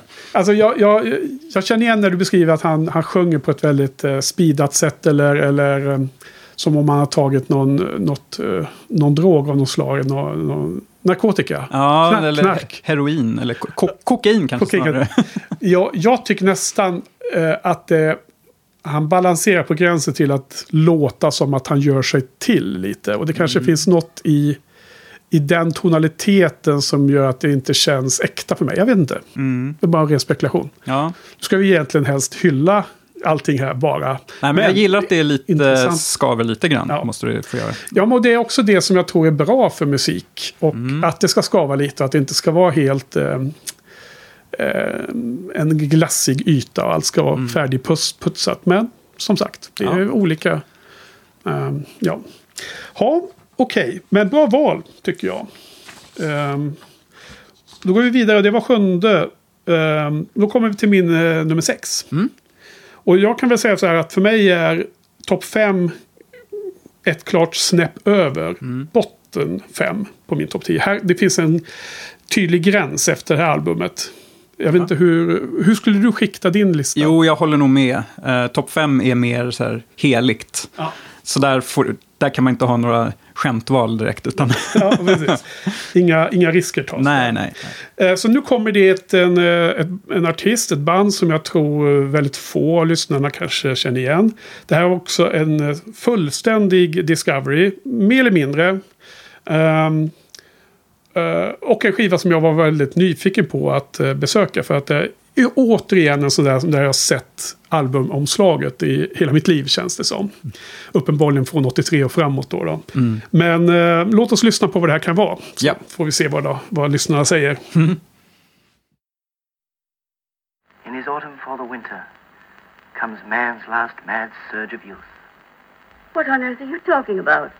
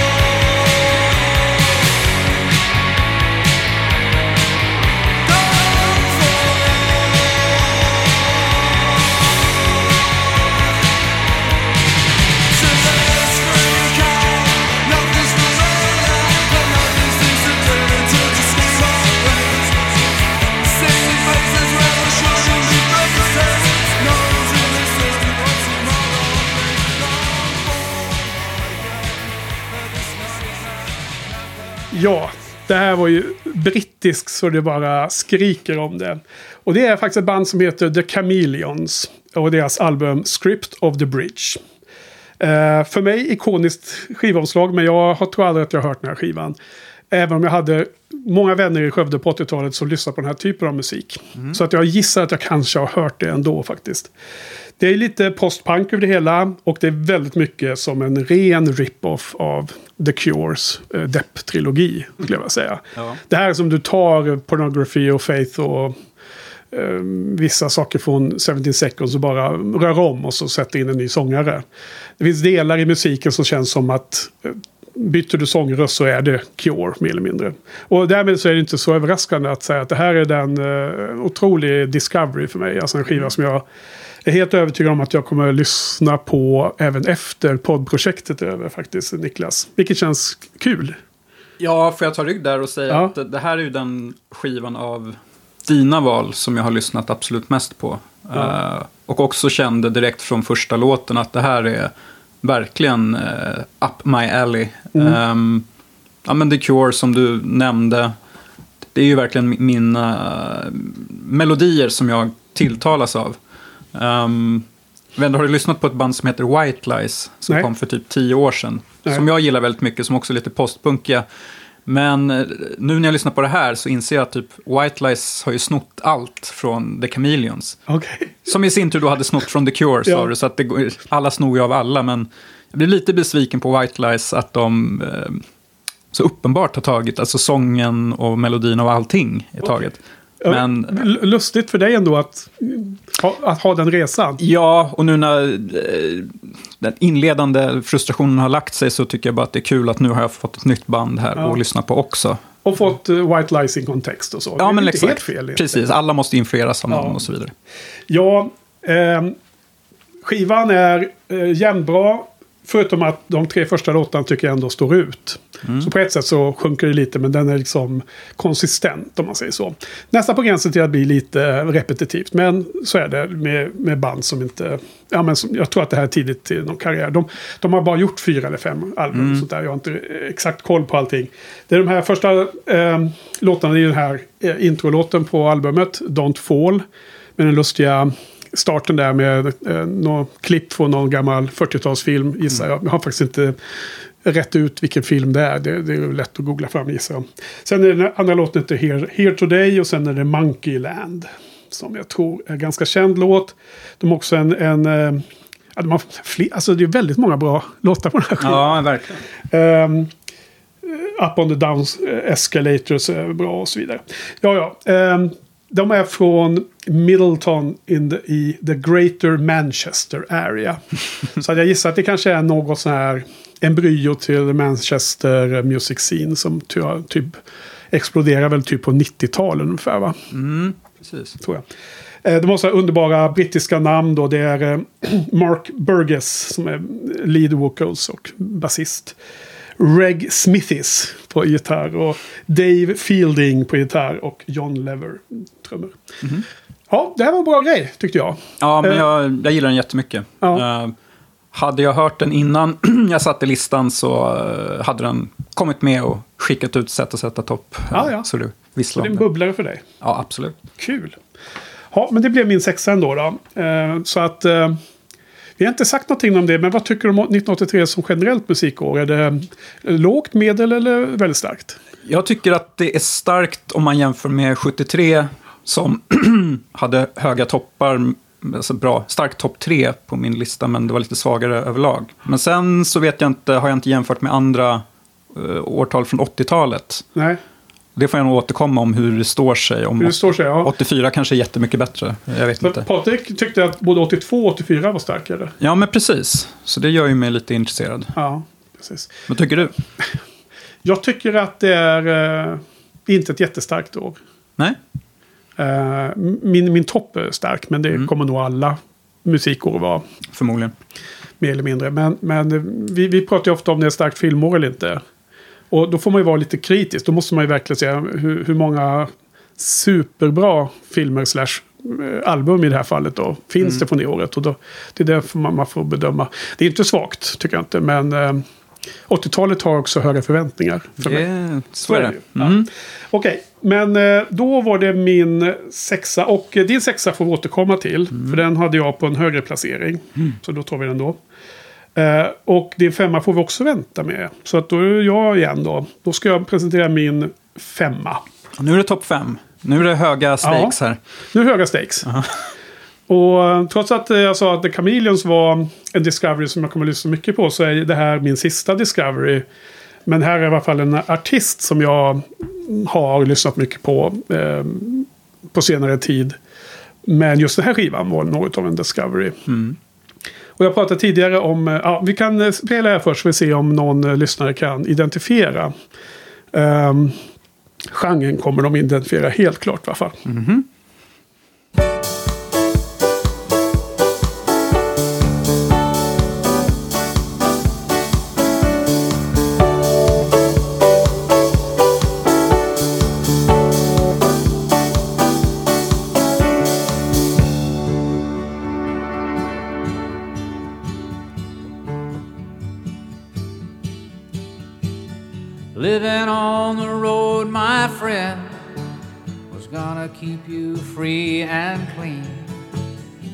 you wear your skin like iron, and your breath is hard as kerosene.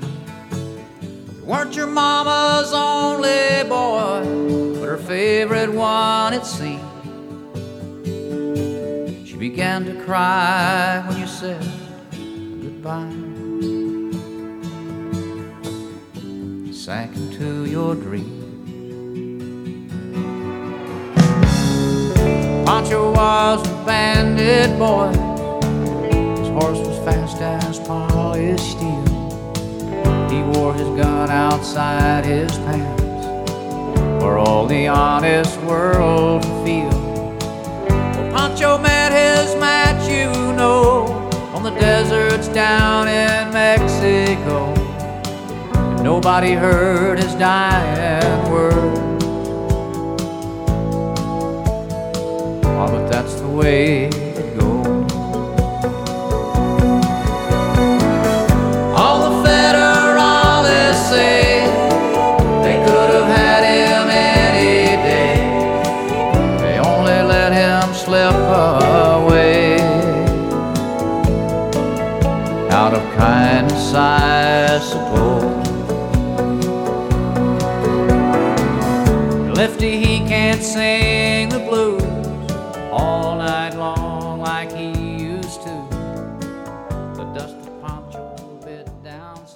Ja, men det var ju eh, såklart country. Den här genren som jag är så förtjust i nu för tiden. Och eh, förhoppningsvis så var det många av lyssnarna som kunde identifiera den eh, väldigt lätt identifierade rösten av Willie Nelson.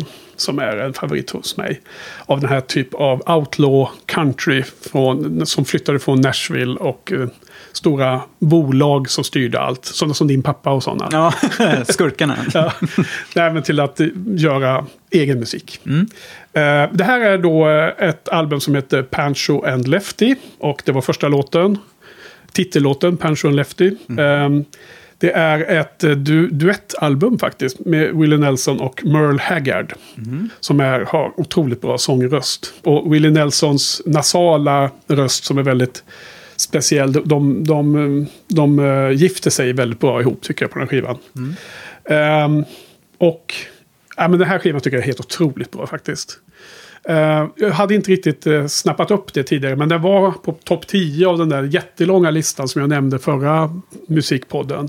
För då hade jag också med Willie Nelson-skivan. nämligen. Det var 150 album. Jag tror att jag... Det var en typo där i, i mina notes. Att jag sa att det var topp 250. Men riktigt så illa var det inte. Han, han är produk, produktiv men inte så. Eh, vilket fall som helst. ehm, det här är en skiva som jag... Nu när jag har kört mycket bil. lyssnar på den nästan... Ja, det, den är superbra att lyssna på när man kör bil. Och man drömmer sig bort lite som en... Man befinner sig plötsligt på en roadtrip i USA och åker mellanvästern eller uppe i norr där i Montana och sådana här ställen. Eller i Rocky Mountains för den delen, ner söderut. Um, supernice. Mm. Vad, vad, vad, vad tycker du om en sån här countryskiva? Jo, men den Har här... du lyssnat på den? Jag har lyssnat på den. Den här låt, eh, låten vi hörde är ju den som står ut, Ja. tycker jag. Eh, det är fortfarande kanske inte riktigt min genre, men det är ju mer min typ av musik än countryn från 73. Mm. Jag vet inte om det är något med produktionen eh, eller att det känns lite mer driv i det kanske som jag uppskattar. Vad tycker du är det, liksom det som har ändrats mest mellan 73 och 83 när det gäller countryn? Ehm, Eller är det, står Ja, den och ja. stampar? Ja, nej, det, det vet jag inte. Jag, jag har inte tillräckligt bra koll egentligen. Jag, jag ser lite det här poddprojektet som en chans att fylla i hålen. För att det, jag har de här artisterna. Det är ju Willie Nelson, Johnny Cash, Neil Youngs eh, country-utsvävningar.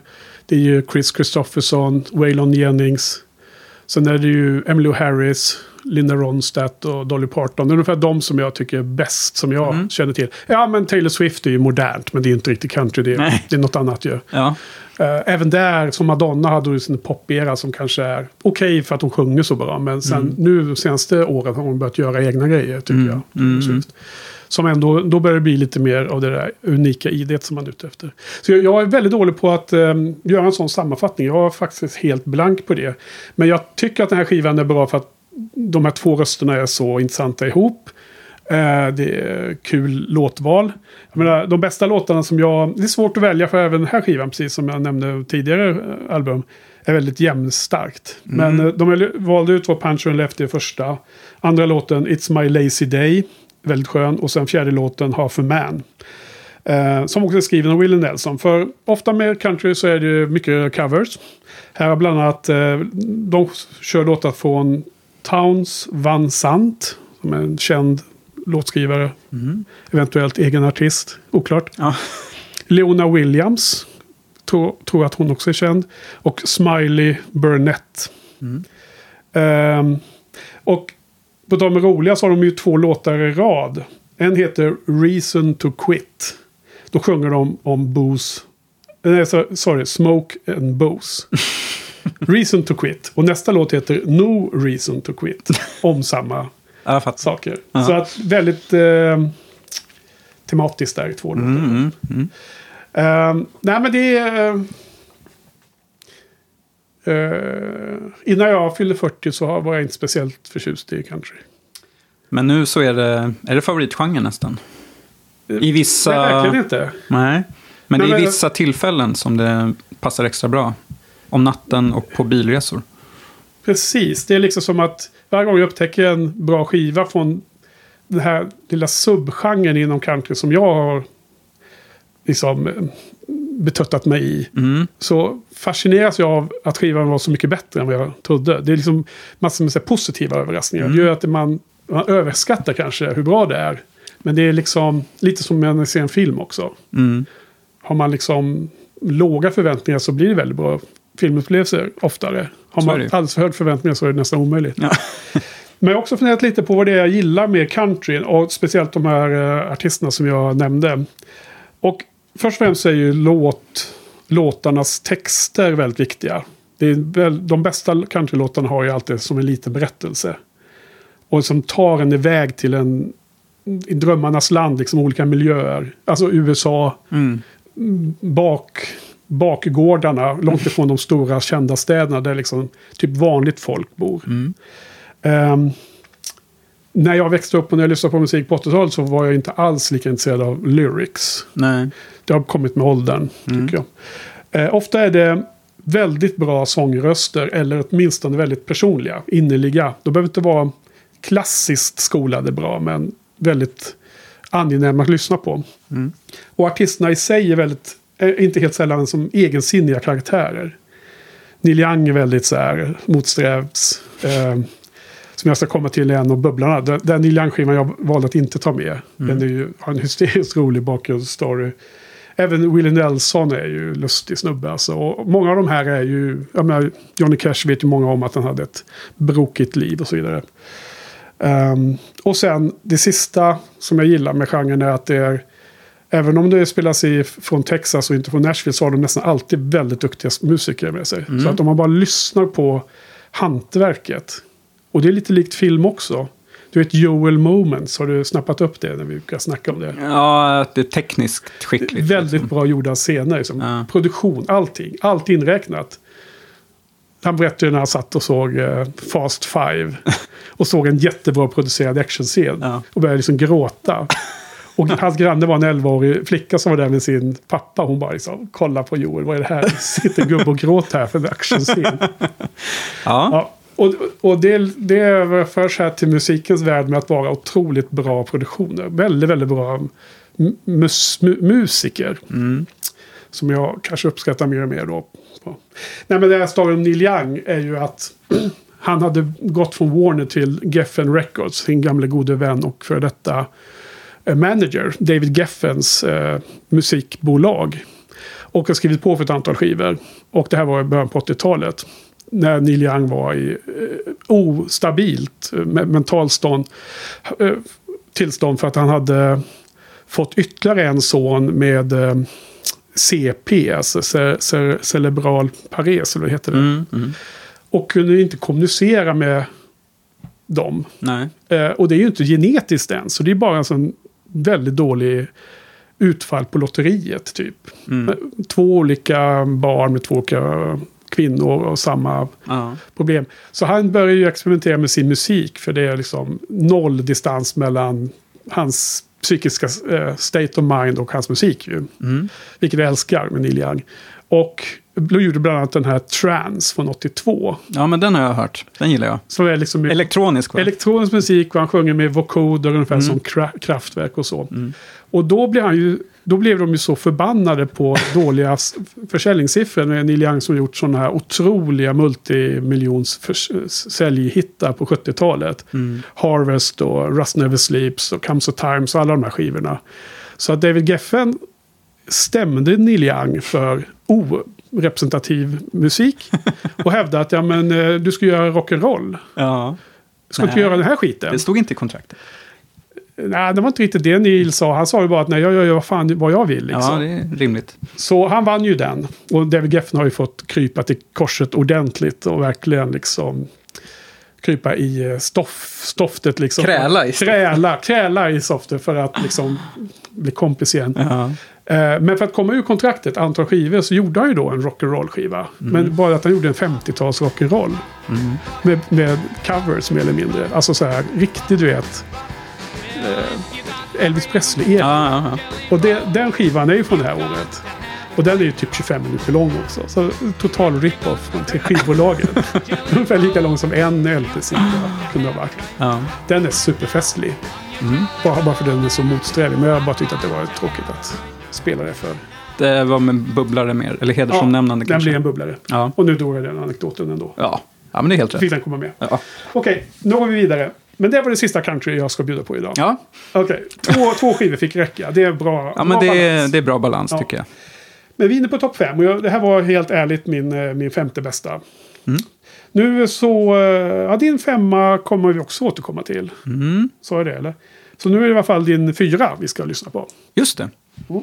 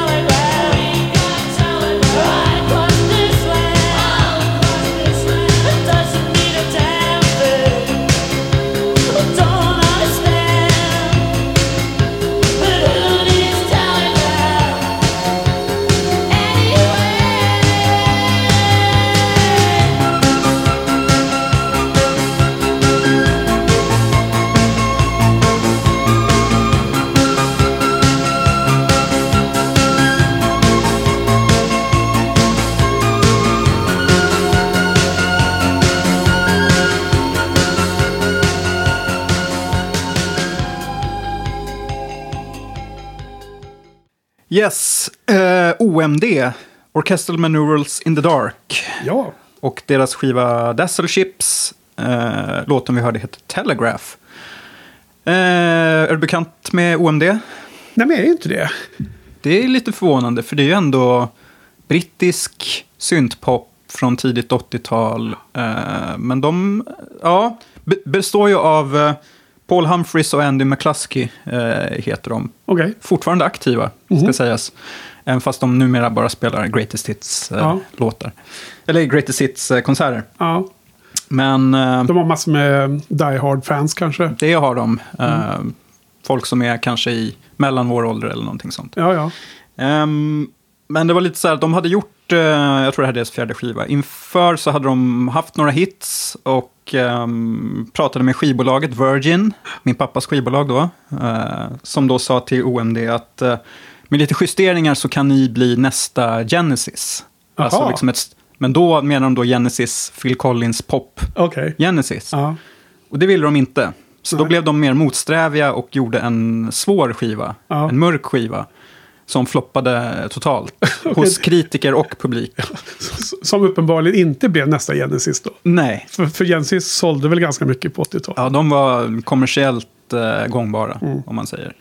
Men den här skivan har ju då omvärderats eh, rejält nu 40 år senare och är ett, ett kreddigt val. Ja, ja. och eh, för mig var väl, det här var väl min stora discovery från eh, det här året. Eh, OMD har jag lyssnat på, men aldrig den här skivan. Ehm, Okej.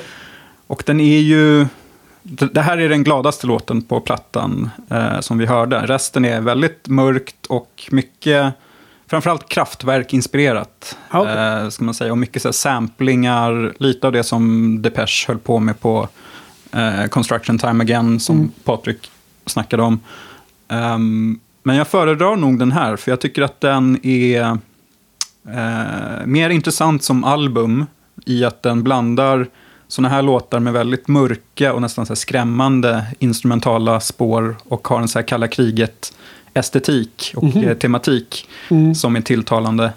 Ehm, och eh, det tråkiga med den är ju att eh, eftersom den floppade så, så ändrade de sen sitt sound igen och gjorde något mycket mer tillrättalagt Okej. på kommande skivor. Tuggummi-synt. Ja. Eller? Nej, inte riktigt så hårt. De har väl ändå en liten mörk sida. Men jag läste en kul jämförelse att de här två är lite som syntpoppens eh, Lennon och McCartney. Okej. Att eh, Humphreys är eh, McCartney, liksom melodikillen Ja. som gör mer har, har, harmo, harmonierna och så. Mm. Och sen McCluskey är då Lennon som liksom skitar ner det och gör det lite mer att det skaver. Lite mer den liksom lite mer svåra personligheten. Lite som- svåra som- personligheten. Som ändå attraherar ganska mycket fans va? Ja, men det, deras teori om varför skivan inte gick något bra var att han, McCluskey, den svåra, fick för stort inflytande på skivan så att det inte var tillräckligt mycket pop helt enkelt. Men det är ju uppskattat och eh, Steven Wilson mm, nämnde ju den här som en favorit också, så det hjälpte Mm. ju till. Ja, precis. För vi, eh, vi lyssnar ju båda med intresse till Steven Wilsons podd eh, The Album Years. Eller Album Year eller vad det nu kan heta. Mm. Den podden. Steven Wilson och en kompis slash eh, tidigare Bandkollega, bandkollega, vad, han nu heter. jag minns inte. Det är bara en kompis i alla fall. Eh, De sitter och pratar eh, om ett musikår, precis som vi gör, fast de bara pratar om massor med album. Inte i någon speciell ordning. De Ingen kanske- röd tråd direkt. Nej, inte- en topplisteformat, utan de, de nämner väl i slutet årets viktigaste skiva av musikhistoriska skäl. Mm. För han verkar ju vara Steve Wilson från Porcupine Tree. Tree. Och solo. Är ju någon slags eh, multigeni Ja, musiker. Ja, han har liksom eh, jobbat med Opeth. Han har mixat om, gjort massor med 5.1 eh, sån här eh, spatial eh, mixes av massor med kända gamla 80-talsskivor. Och, inklusive Marillion och han har jobbat med, gjort om, han har jobbat med Fish i hans so- solokarriär till och med. Och massor med andra kända Mm. eh, saker. Så han är en väldigt intressant person. Så kul podd att lyssna på. Ja, Och de har också gjort 83. De har inte gjort jättemånga år. Nej. Men just 83 har de redan gjort. Så det var ju kul att lyssna på det då. ja. Men jäklar vad många album som man inte hade en aning om. Ja. Som de nämnde. För de har ju som koll på. koll. Liksom inte bara the next level. Utan the next, next, next level Ja. också. Vi ligger i lä. Ja, eh, som sagt så lyssnar vi gärna på den andres topp 10-lista för att kunna säga något Mm. klokt om det. Men jag kan inte säga något klokt om det för att jag... Eh, och och du, du till och med peppade lite om att ja, det här är någonting du kommer gilla och st- stilen och lite så här. Mycket av det du nämnde låter ju som att jag skulle eh, passa Mm. up my alley. Mm. Men det hände en intressant sak som jag tror man kanske kommer stöta på i det här projektet. Är att, och speciellt som vi nu poddade 73 i, i slutet på maj, i början på sommaren. Och det har gått ganska lång tid sedan dess. Vi har haft Mm. ganska lång tid på oss för att lyssna igenom 83. Och nästa gång har vi tänkt prata om 93. Och det, det tänkte vi göra om ungefär två månader. Kommer ut en sån Shiny Podden special. Då har vi tajtare tid. Mm. Det får bli mer to the point liksom. Ja. Och vad, jag, vad som hände mig var att det här var en av de, jag tror nästan den sista skivan som jag lyssnade på. Av alla jag gav chansen. Aha. Och jag bara upplevde en, eh, en liksom fa, fa, fatig. Ja. Alltså en, en trötthet. Jag, jag kunde inte ta in den. Nej. Jag bara kände att nu, nu var liksom kopp, glaset var redan fullt med ny musik från 83-talet. Ja, jag 83-eran Mm. menade jag. Ehm, så att jag har liksom, jag har bara skrivit ett stort frågetecken här. Jag, är helt blank faktiskt. Tyvärr, väldigt eh, trist. Men jag, jag tänkte, ja men så kan det också bli. Så, Ja, men det måste man ta med Det var väl som eh, Ulf Lundell som sa att även en inställd eh, konsert är en konsert. Va? Ja, men precis. Så jag bara tänkte att ja, men då får det vara så. Ja, men det tycker då, jag är Då bra. kan inte jag liksom tvinga mig att lyssna på den här när jag bara Nej. känner att nej, men nu var, det, nu var det dags att stänga butiken. Dra ett streck i sanden som vi säger. Du får återbesöka den här när du fått lite distans till Ja. eh, 1983. helt Precis. Eh, laddat upp batterierna för 83-musik igen. Ja, precis. När det nu kan bli. Mhm. Vi har ju många år att beta av. ja, precis. Så att jag är hemskt ledsen. Men Ja. eh, den här sa du att den var mest eh, gl- gladare eller poppigare låten. Mm. För den, nu när vi lyssnar på den här i studion så tyckte jag att den var trevlig. Ja, men då så. Ja. Det låter bra. Så att, lite så i alla fall. Ja. Okej, och på tal om eh, den kommersiella motsatsen till OMDs skiva så kommer vi nu fram till din nummer tre. Och det är också en skiva som jag hade på tionde plats. Det är därför vi skippar den då. Så att nu ska vi se om eh, lyssnarna känner igen det här.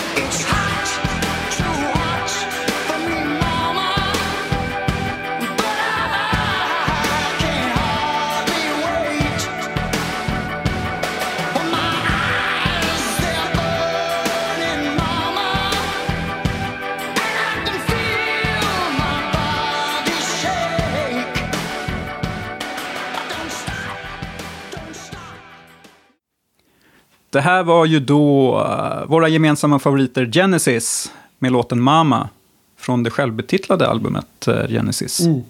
Eh, man kanske känner igen omslaget där det är ett massa gula klossar som har fallit omkull eller någonting. Ja, men det, det är sådana här som små barn. Bebisar ska lära sig lägga en, en fyrkantig kloss i ett fyrkantigt hål Ja, och en rund kloss i ett runt hål. Det är en sån leksak. Just Tror jag de har fotat av. Ja? Ja. Här blir det ju lite intressant, för vi hade ju Genesis för ti- eh, 73-podden. Ja. Det är ju ett väldigt annorlunda Genesis nu, när Phil Collins har tagit över sedan länge. Ja. Eh, Peter Gabriel ut ur bilden. Gabriel gjorde ju bara fem riktiga album med dem. Ja. Sen lämna. Och här har vi också, mm, jag vill väl hävda, och det kanske du också gör, att nu är Phil Collins större än Genesis i det här läget. För här har han släppt In the Air Tonight, alltså Fa- Face Value-plattan ett par år tidigare, som Ja. var en monsterhit. 81 va? 81. Eh, och jag tycker det märks lite i musiken här att eh, vissa låtar känns som att det är Genesis-låtar och några känns som att det är Phil Collins-låtar. Ja. Och eh, för, Vad mig, bra, är- vad, för, vad bra att du sa det. för mig är det win-win. Ja. För dig tror jag att det är mer win-lose. Ja, lite så. Berätta. Ja, ja, alltså, jag, jag gillar ju Genesis och jag har på de senare åren också uppvärderat eh, The Phil Collins eh, Genesis-era.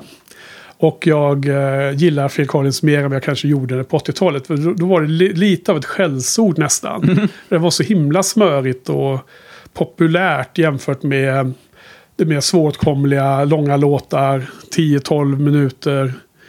Och jag menar, Selling England by the Pound ja, ställer en sida med sida med den här skivan. Det, det är ju verkligen två olika band känns det som till viss del. Ja. Även om det finns ju fragment av det här eh, symfonrock i det här. Och jag tycker första låten, Mamma, är ju så otroligt bra.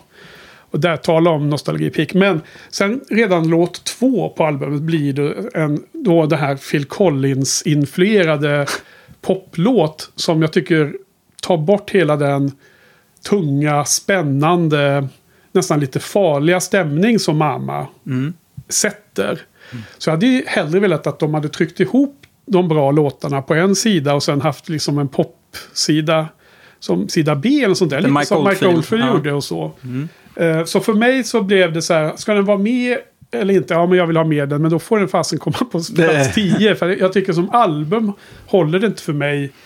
Eh, alltså första, tredje och fjärde låten och sen sjunde låten som är på sida B. De, de fyra tycker jag är väldigt bra. Mama, Home by the Sea, Second Home by the Sea och Just a Job to Do. Alla de är med på den här playlisten jag gjort från 83 och, och så fort de kommer så är det riktigt bra låtar. Men jag tycker inte att den håller uh, jämnheten. Det, det var mitt problem med den här skivan. Ja, jag har nog hållit med dig ganska mycket innan, men eh, nu när jag lyssnade på skivan flera gånger så tyckte jag att eh, de, om man säger, utfyllnadslåtarna var starkare än vad jag minns. Eh, Det är egentligen bara en låt jag inte gillar och det är eh, Illegal Aliens som Ja. jag tycker är ett bottennapp. Lite repetitiva. Ja, och lite tramsig. Ja. Eh, så den funkar inte alls för mig. Eh, men framförallt Home by the Sea och den instrumentala Second Home by the Sea är ju också höjdpunkter i Genesis karriär.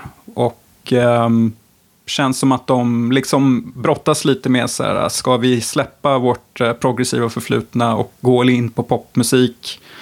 Eller ska vi liksom försöka blanda, blanda stilarna? Ja, och vi vet ju svaret på den frågan. Det var ju all in på pop sen. Ja, För- Även fast- det 87 eller sånt där kommer den där med Land of Confusion och dem. Va? ja Invisible Touch eh, 86, 86. tror jag. Ja. Men där finns det också lite längre låtar som är lite Okej, light okej. progressive. Okej. Liksom inte det som jag tror du skulle kalla progressivt. Men, eh, ja, nej, men jag tycker att den här, det är mycket nostalgi här förstås. Ja, Ehm, och så, så kommer det alltid bli med de här listorna. Ja, och namedroppa min pappa igen som eh, också jobbat med Genesis eftersom de låg då på Virgin. Ehm, Så jag har ju lyssnat på väldigt mycket eh, hemma.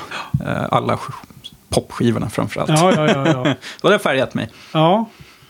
Men, ja, men det är lite ja. härligt ändå. Ja, Det blir ju som sn- snuttefiltar och sådana här skivor.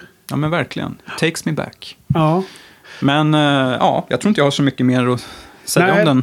Jag ska nämna den här andra låten för folk som, kan, som vill gå in på Spotify och, och lyssna och jämföra. Om man då lyssnar på första låten Mamma och sen eh, ger, ger andra låten That's All. S- Sätt dem sida vid sida och se liksom tonalitet, typ av låt, typ av eh, feeling man, man ges av det och så då. Ja. Um, ja, precis, för att det här är ju i slutet på Genesis serie. De har väl bara två album efter det här va? ja, med den här trion ja. Sen gjorde de ett ytterligare med en ny sångare. Ja, just det. De har Calling All Stations, en annan Ja, precis. Med, sångare. ja, precis. Och, ja precis. Så det, eh, för det var det jag skulle komma till. Att allra sista skivan var liksom en tredje sångare. Som jag, det här visste inte jag ens om för ganska nyligen. Att jag har helt missat att den releasades. Så att när jag läste på det helt plötsligt fanns en tredje. Vad heter han? Vet man det eller? Ray någonting. Ja, ja men då, då, är det ju, då är det något slags Michael Rutherford-band istället. Ja, lite precis. Mm, Du vet Michael Mechanics. Mike and the Mechanics var ju kan man ganska populära. Ja, absolut.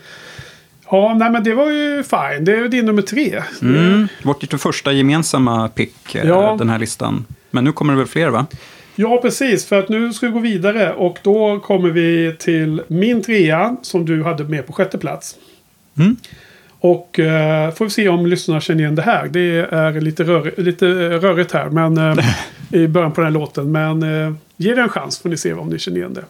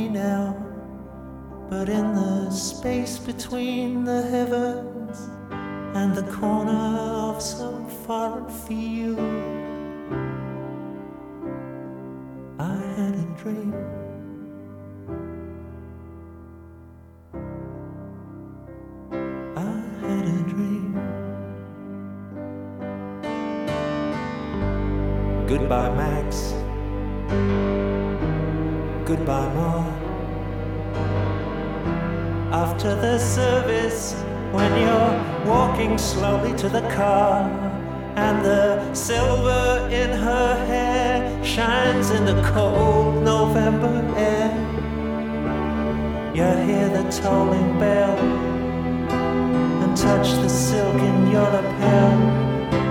And as the teardrops rise to meet the comfort of the band,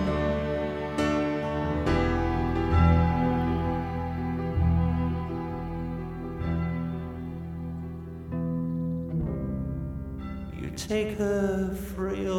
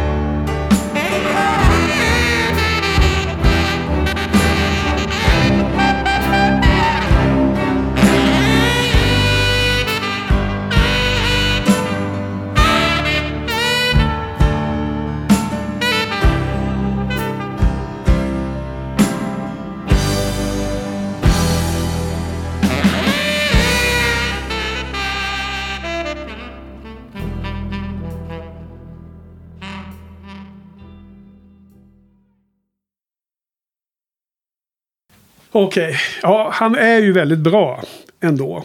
Får man ge honom. Roger Waters.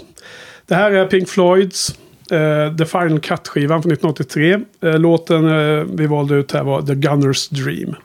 Otroligt vacker. Ehm, det är problematiskt med Roger Waters. Han är ju ett asshole. Ja. Och eh, jag brukar ju alltid säga att man måste ändå gilla artisten vid sidan.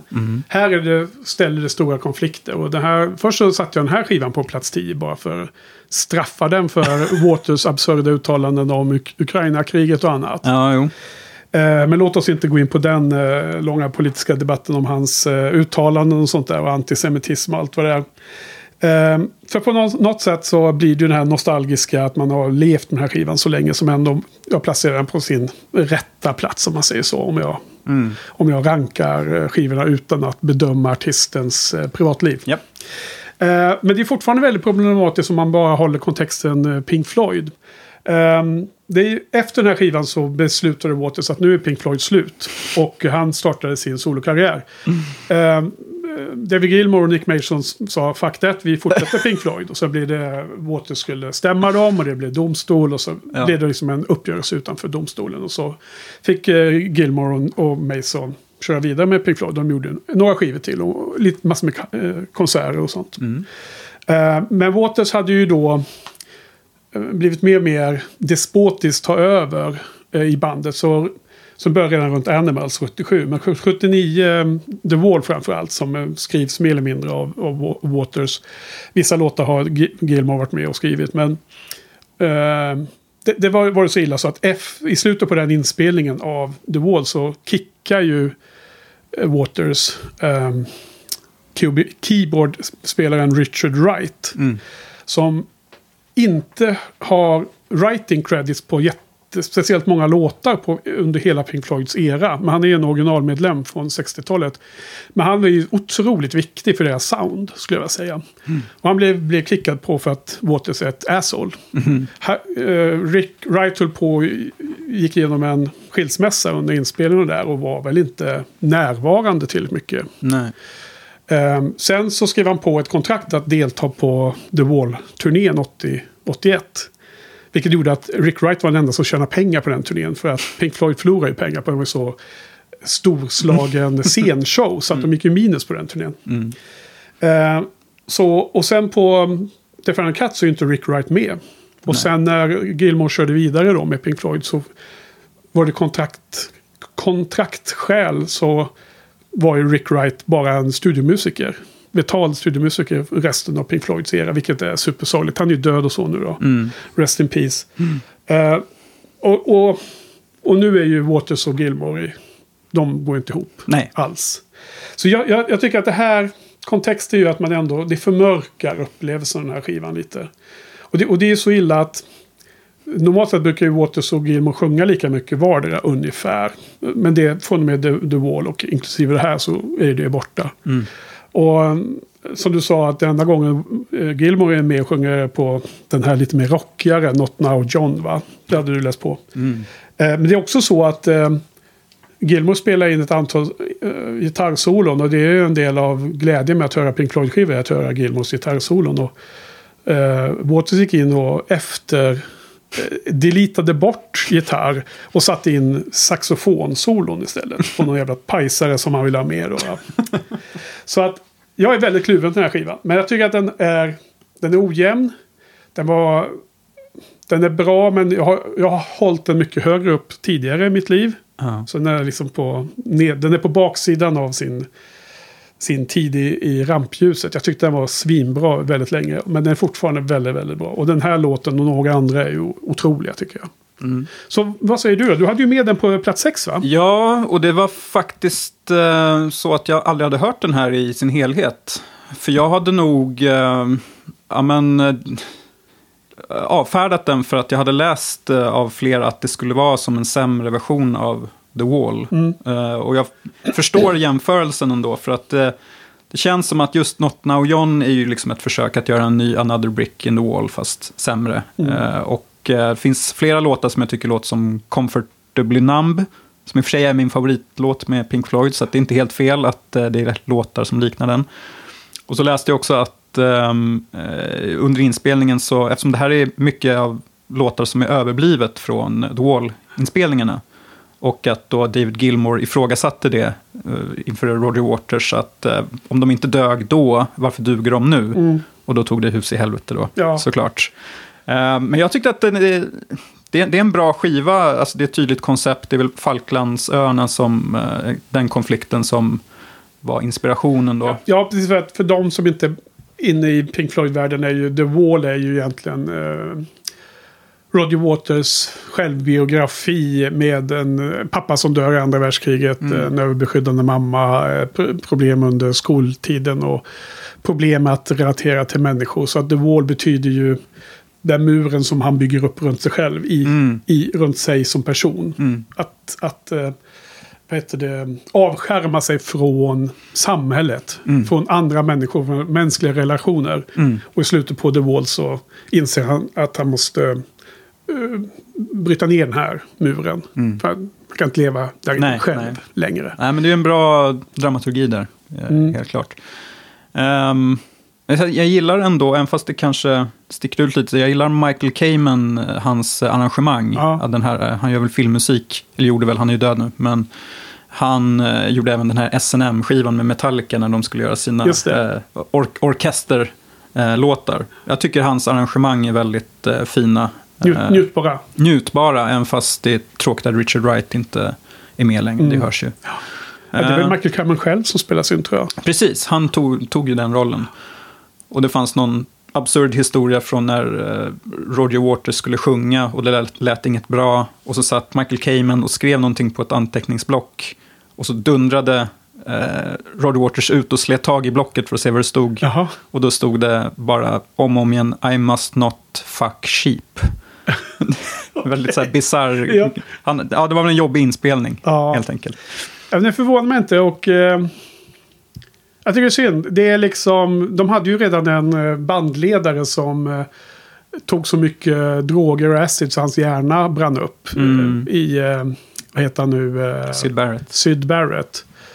Eh, och sen eh, får liksom Roger Waters någon slags meltdown och så han ska sluta. Ja. Men det, det, det, det sägs ju att de var som mest kreativ gemensamt som ett riktigt band mellan 70 och 73 ungefär. Med Medal och Dark Side of the Moon och så. Mm. Jag vill nog inkludera Wish You Were Here från 75 för den är, den är absolut deras topp ju. I mina ögon och det, där bidrar alla väldigt mycket. Mm. Men redan från Animals och den turnén där så börjar ju Waters balla ur. Så det är väldigt, väldigt synd liksom. Ja, Ehm, tyvärr. vad, vad jag tycker är lite konstigt är ju att eh, det, det, är, det är en del eh, som de kanske redan hade börjat pröva några av de här låtarna. Men det är framförallt låtar från Waters första soloplatta som de körde redan under The Wall-repetitionerna. Mm. Han gjorde en soloalbum 1984 som heter Pros and Cons of Hitchhiking. Och, Mm. och den tycker jag fortfarande är otroligt bra. Den är klart bättre än The Final Cut. Där eh, Gilmores roll får ju Eric Clapton där istället. Mm. Han, han tar in honom som gitarrist. Ja, just det. Och, och där finns det låtar på den här Super Deluxe-utgåvan av The Wall. Där man får, får massor med CD-skivor med massor demosar och hit och dit. Där finns det låtar från The Pros and Cons med. Mm. Så att jag är lite, och, och när de gjorde The Wall så, så, så vi- ville Waters att bandet skulle välja The Wall, det konceptet eller Pros and Cons. Mhm. och sen så känns det som att när de gjorde The Final Cut så hoppade han över den andra jättebra skivan. Ja. Han typ sparade den för sig själv. Ja, han ville liksom lansera sin solokarriär. Vilket är så roligt va, för att sen har ju de som Gilmore och Mason som fortsätter Pink Floyd och med Rick Wright så länge han levde.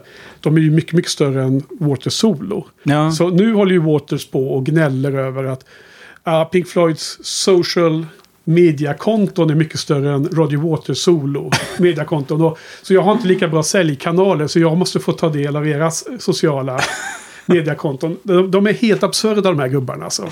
Ja, Eh, man eller han. va? Han ja, framförallt. Gilmore tycker jag verkar hantera det på ett mer värdigt. mer korrekt sätt. Eh, de bästa låtarna är The Gun Stream som vi hörde lite från och The Fletcher Memorial, Memorial Home tycker jag. Och sen är det lustigt nog så att eh, original-LPn och så länge så var det bara 12 låtar med. Mm. Men sen någon viss eh, tidpunkt, om det är någon gång på 90-talet eller så här, så har ju skivan adderats en låt som heter When the Tigers Broke Free. Mm. Som jag, jag tycker är väldigt bra. Den kommer från filmversionen av The Wall. Det finns ju en album, det finns en live-turné med live-material, alltså en uh, releasad liveplatta. Mm. Nu ganska, för inte så många år sedan, eller runt 20 år sedan. Så finns det också en film, The Wall. Mm. Har du sett den? Nej. Nej, den är väldigt eh, spektakulär att se. Mm. Eh, det är spelfilm och animation. Ingen, det, ingen ja. live och sånt, utan Nej. det är, en, det är en, liksom en narrativ film. Mm. Men där, den här låten var med som någon singel fanns då. Liksom, det är som extra material till The Wall. Men de har adderat den in här av någon anledning då, på fjärde plats. Mm. Så den passar tydligen in i den här storyn också då. Okej. Och eh, den tycker jag är bra. Mm. Så det är de jag vill lyfta från den här skivan. Ja, titelspåret är nog min favorit, tror jag. The Final Cut. Ah. Men den är... Men den funkar framförallt som ett album för mig, tror Ja. jag. Den här. Även sista låten, uh, Two Suns in the Sunset, är väl ändå väldigt bra. Ja, med, som en atombomb, tror jag, som den hänvisar till. Mm. Okej. Men eh, det var min trea och din sexa. Och, och din trea har vi redan pratat om, Genesis. Så nu behöver vi komma till topp två för båda. Mm. Återstår. Och nu är det min tvåa vi ska prata om. Och, då Mm. låter det, och nu tror jag att alla, precis alla som lyssnar på den här podden kommer känna igen vad detta är. Ja. Bye.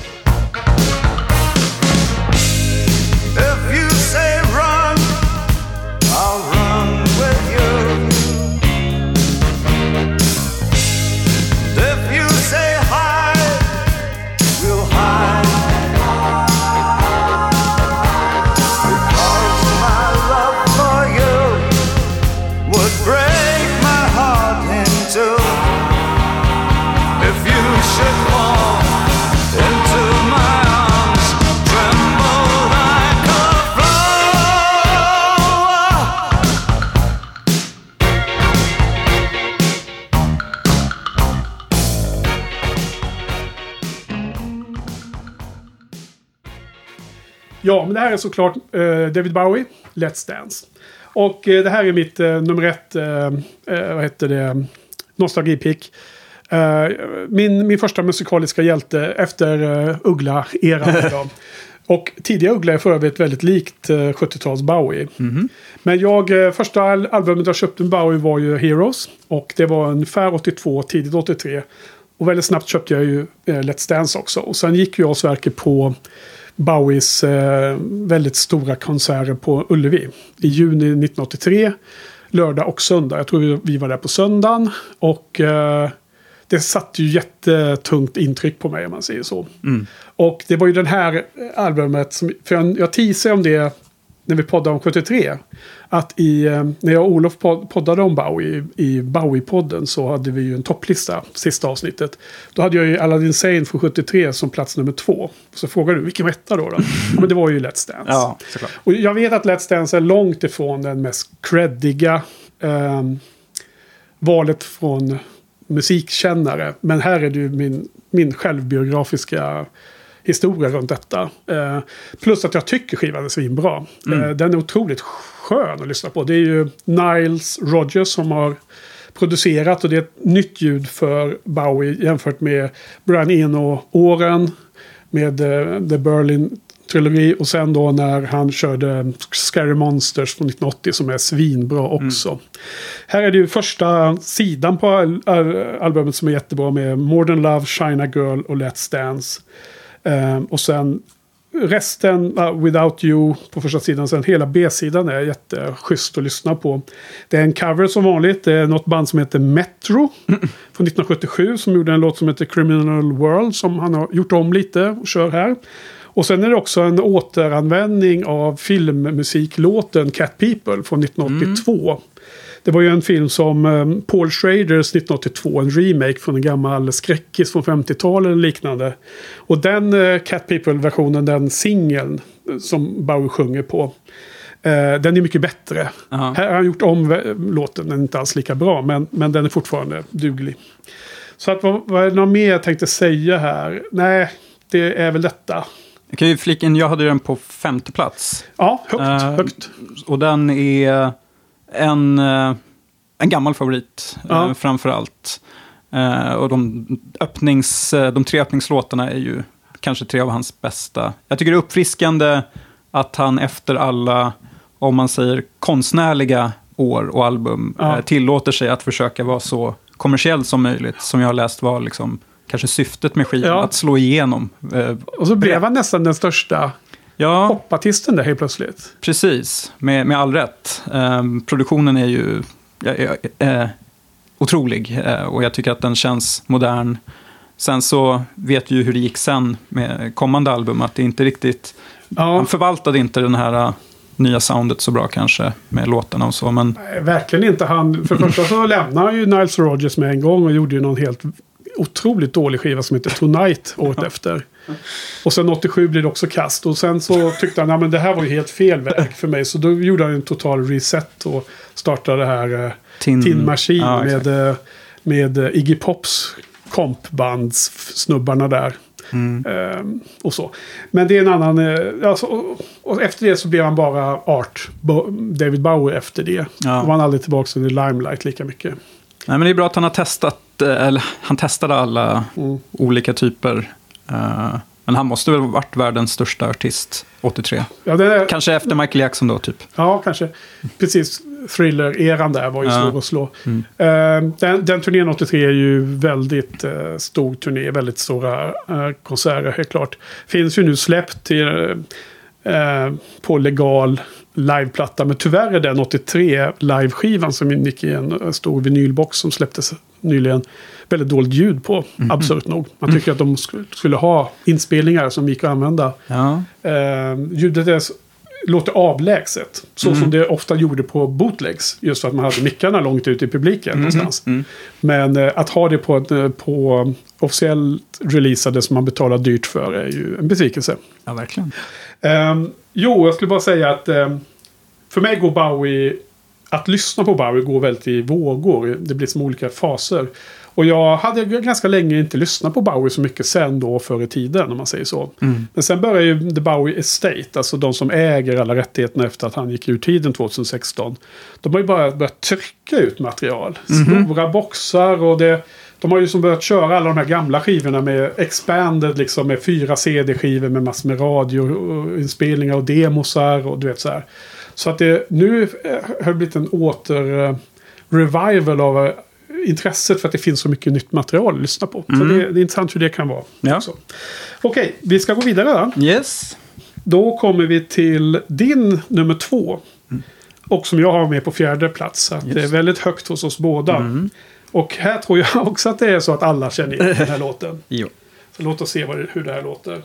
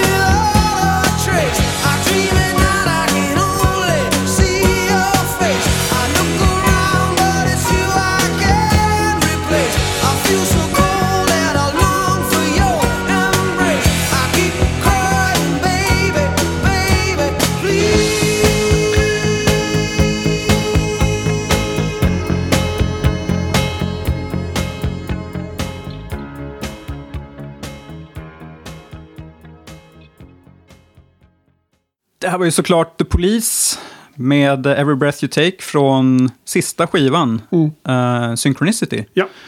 Ett Femte. femte och sista, eh, lite som ett skilsmässoalbum gånger två. Dels från bandet och dels så låg ju Sting i eh, skilsmässa. Okej. Vilket man, jag tycker man märker det på flera av låtarna, typ Wrapped around your finger, som väl handlar på något sätt om någon vårdnads eller skilsmässo-twist. Okej. Och, eh, och det, är- med risk för att det är uttjatad eh, trivia så eh, Every Breath You Take är ju ingen så här romantisk Nej. låt, eh, utan det är ju en ganska obehaglig så här stalker-berättelse. Ja. Så det är, här var väl också så här, kanske största bandet som fanns eh, vid den här tidpunkten. Men tyvärr så kom de ju inte alls överens längre, utan de visste väl att det här var sista plattan de gjorde ihop. Och jag läste att på inspelningen så var de aldrig i princip i samma rum. Utan Usch de, de gjorde sina partier separat.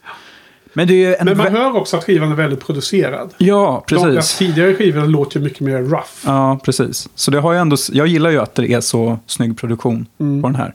Och det är ju, ja men mycket, det är influerat mycket av, av new wave och kanske inte lika mycket så här ska reggae-influenserna som tidigare, eh, tycker jag.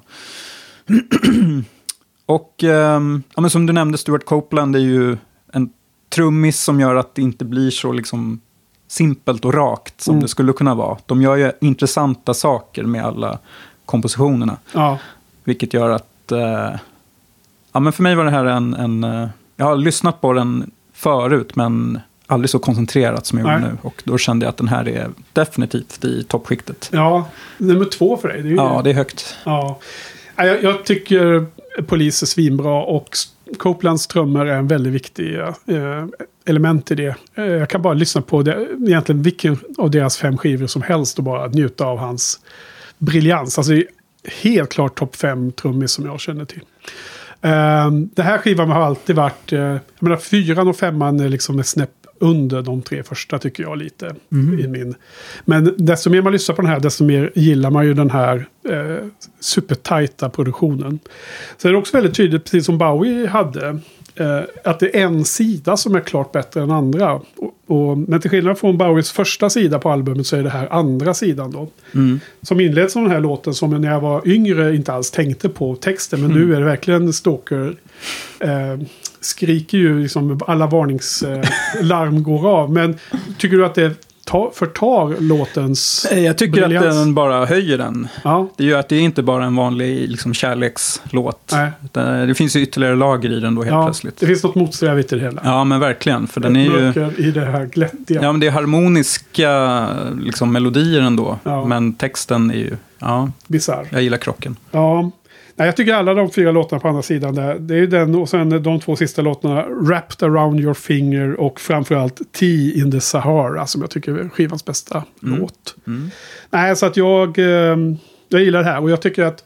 Eh, som i många tillfällen, du nämnde Lennon McCartney tidigare, att när de bröt upp så blev ju Lennon, vad säger jag, McCartney menar jag, han hade ju massor med bra soloalbum, men han blev ju mer och mer smörig med tiden. För han hade inte Lennon som höll honom i schack. Nej. Och lite som eh, många sådana här eh, artister har förändrats över tiden. Jag tror att Sting som startade sin solokarriär, så han är ju superstor som alla vet. 85 kom den första, den var jättebra den soloplattan.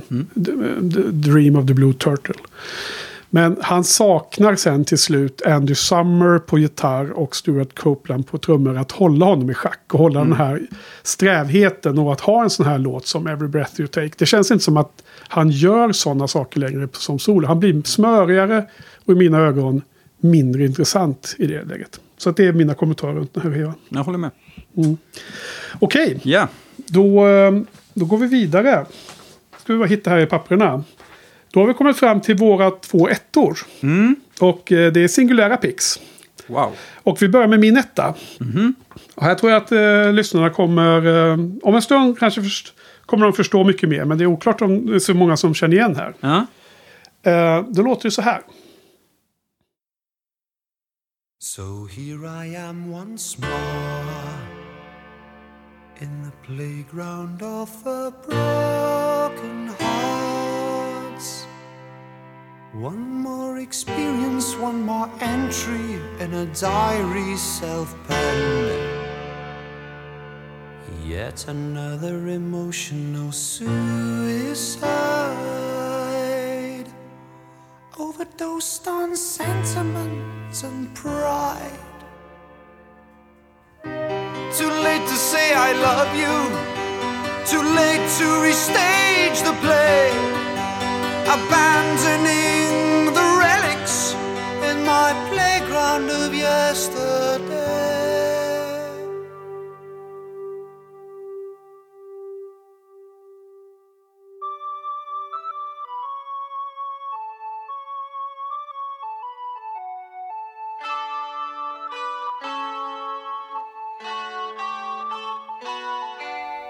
losing on the swings. I'm losing on the roundabouts. I'm losing on the swings. I'm losing on the roundabouts. Too much, too soon, too far to go, too late to play. The game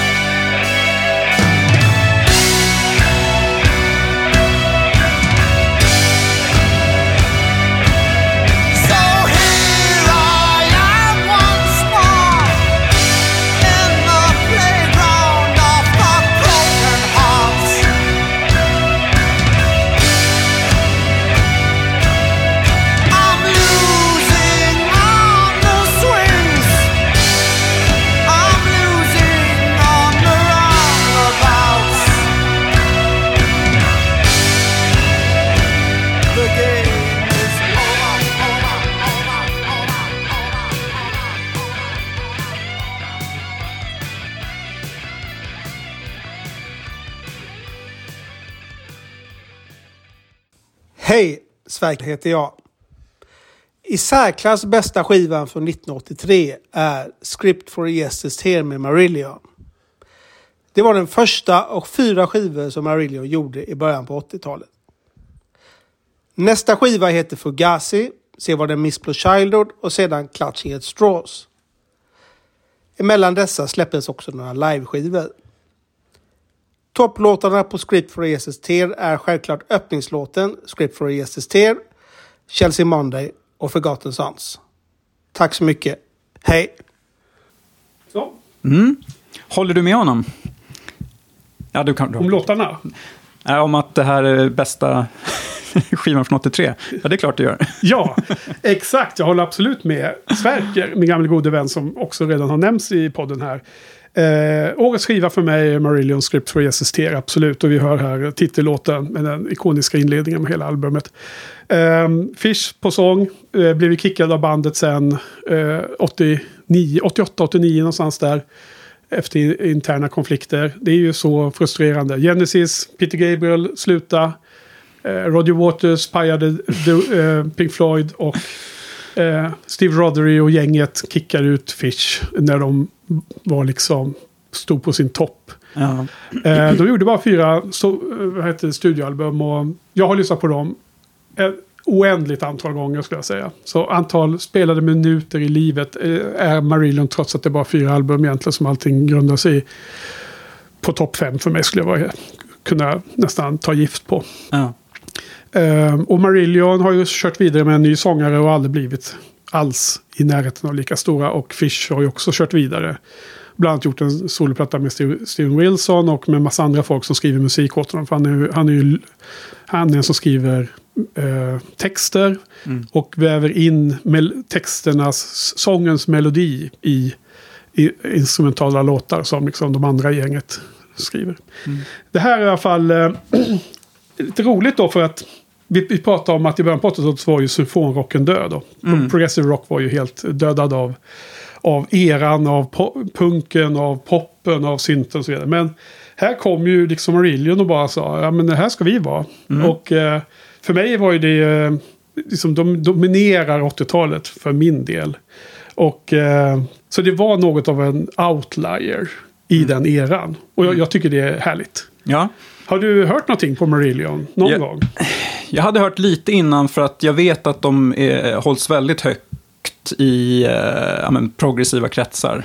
Och eh, ja, vi pratade lite här om neoprog, vad det är för någonting. Men det är väl, eh, som jag har förstått en liten vidareutveckling av kanske då Genesis eh, till exempel. Om vi jämför med skivan vi pratade om från förra eh, avsnittet så är det ju ganska snarlikt intro med den här berättarrösten som förklarar lite vad som vi ska lyssna på nu.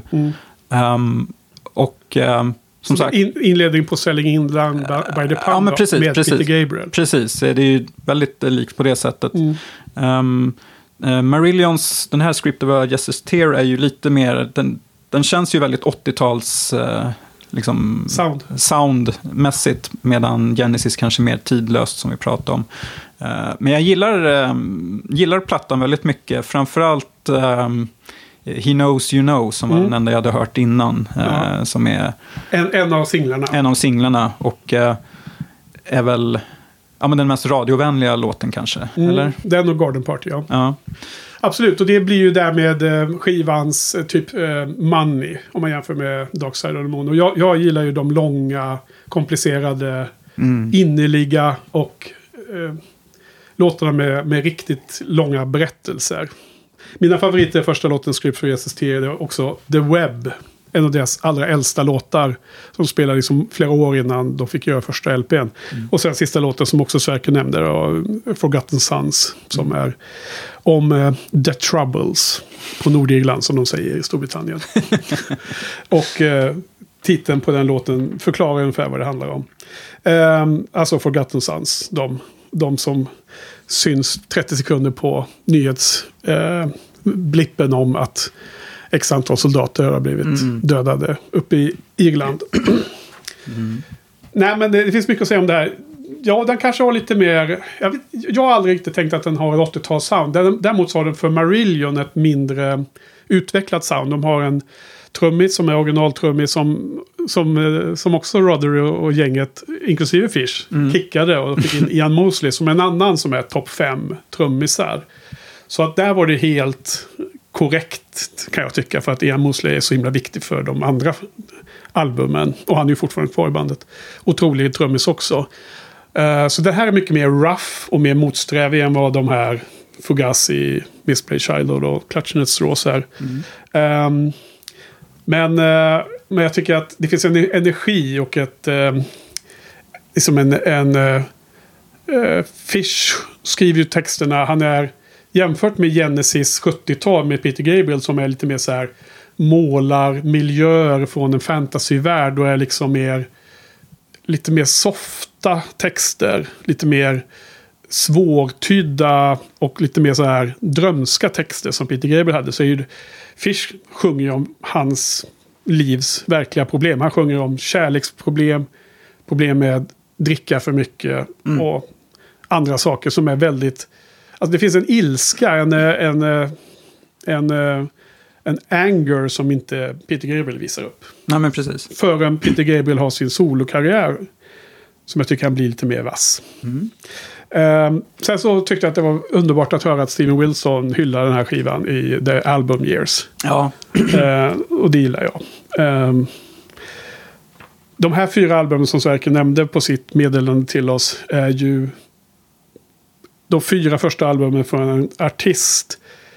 Ehm, jag har svårt att tänka mig någon annan artist som har så stark inledning på fyra. Mm. Och det skulle kunna vara Neil Youngs solokarriär. Men, men eh, jag vet inte. nej.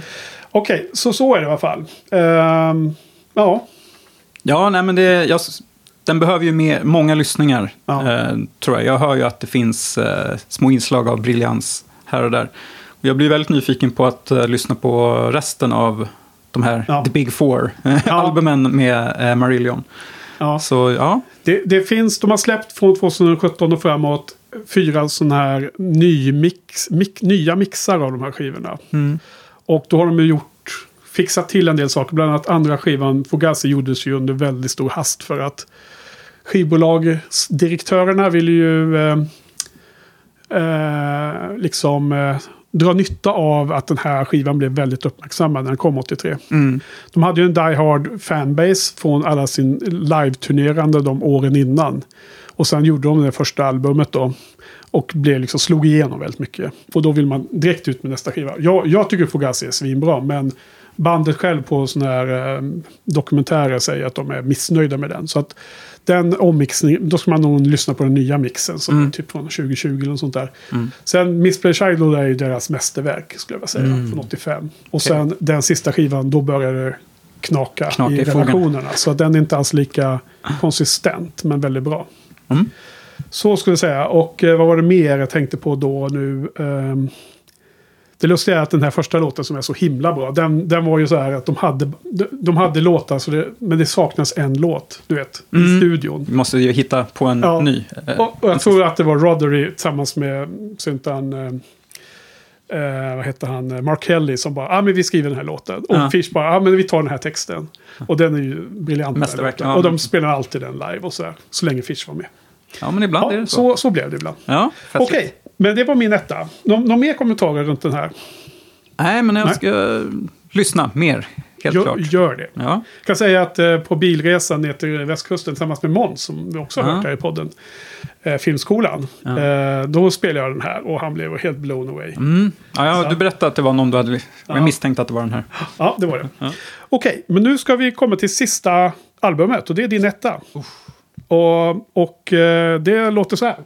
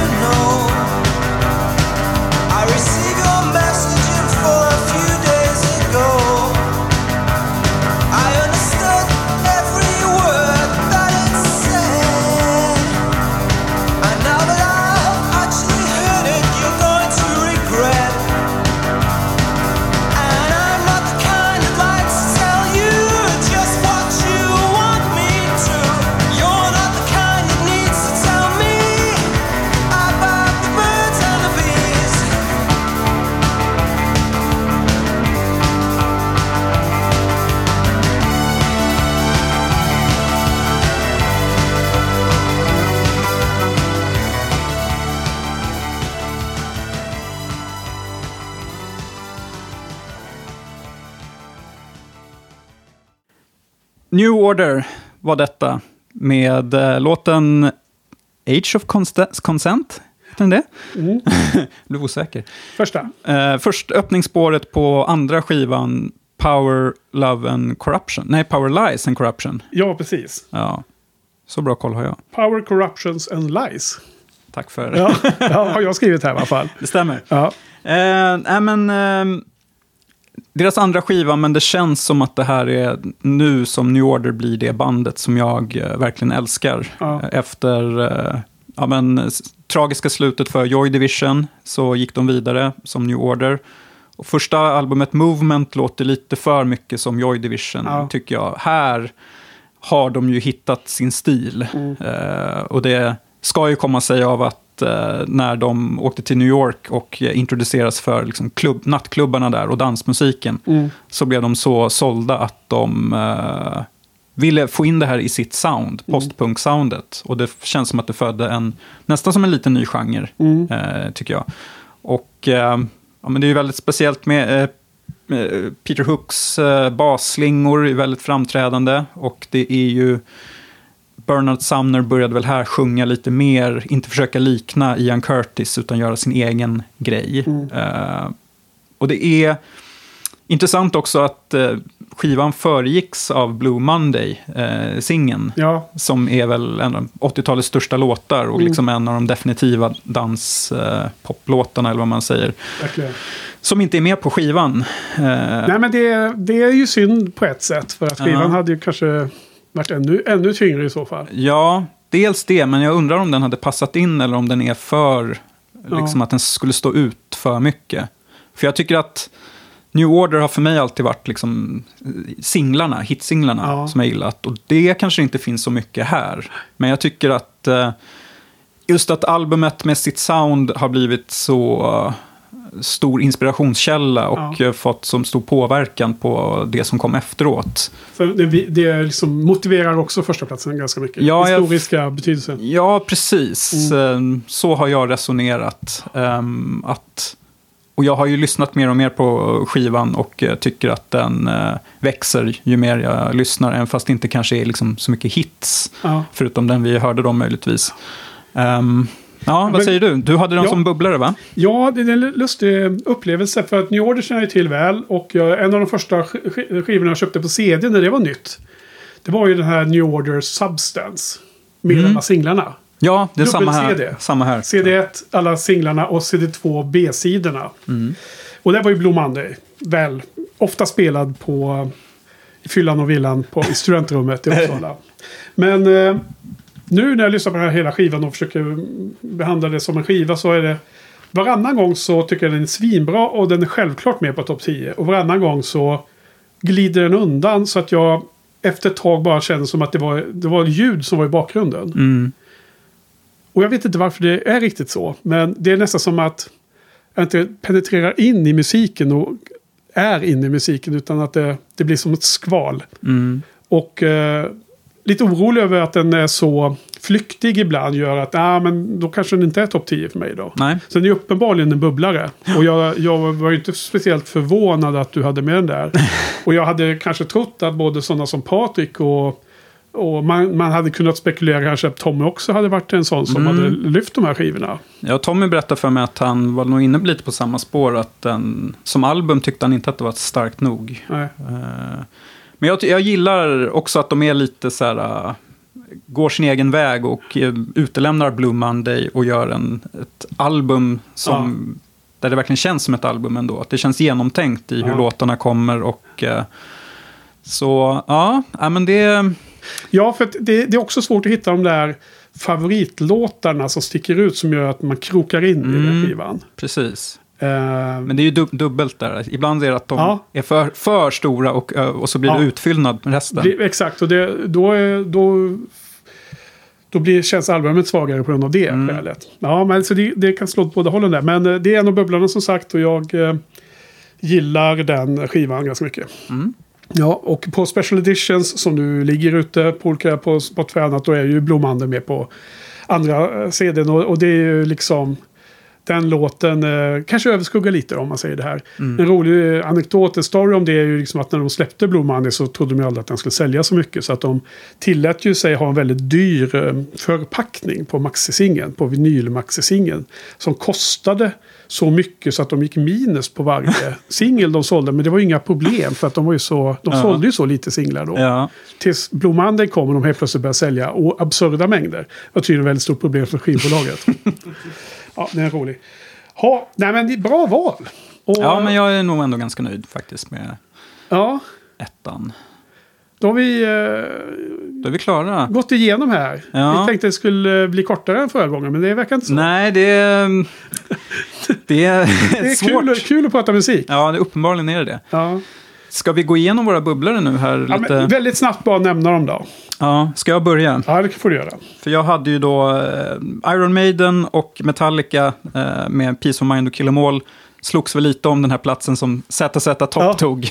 Okej. Men det kommer ju kanske Du komma. valde det mer creddiga hårdrocks... eh, Ja, uppenbarligen. Ja. Men så har vi ju nämnt eh, Depeche Mode, eh, Tangerine Dream ehm, var ju ganska nära.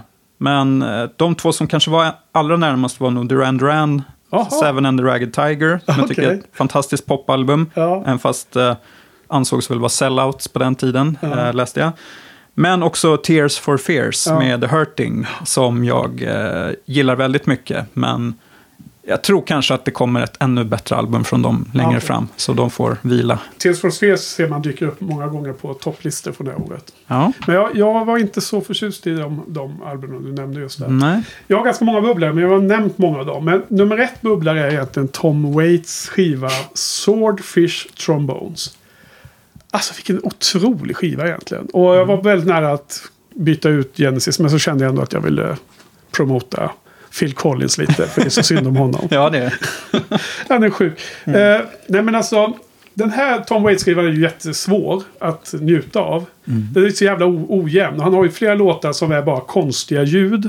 Oharmoniska konstiga ljud när han som pratsjunger. Han Ja. pratar igenom sig låtarna. Men så har han vissa jazziga, så här, som en rökig bar i New York. Eh, type of songs. Liksom som ett, eh, du vet, en rökig eh, hotellbar.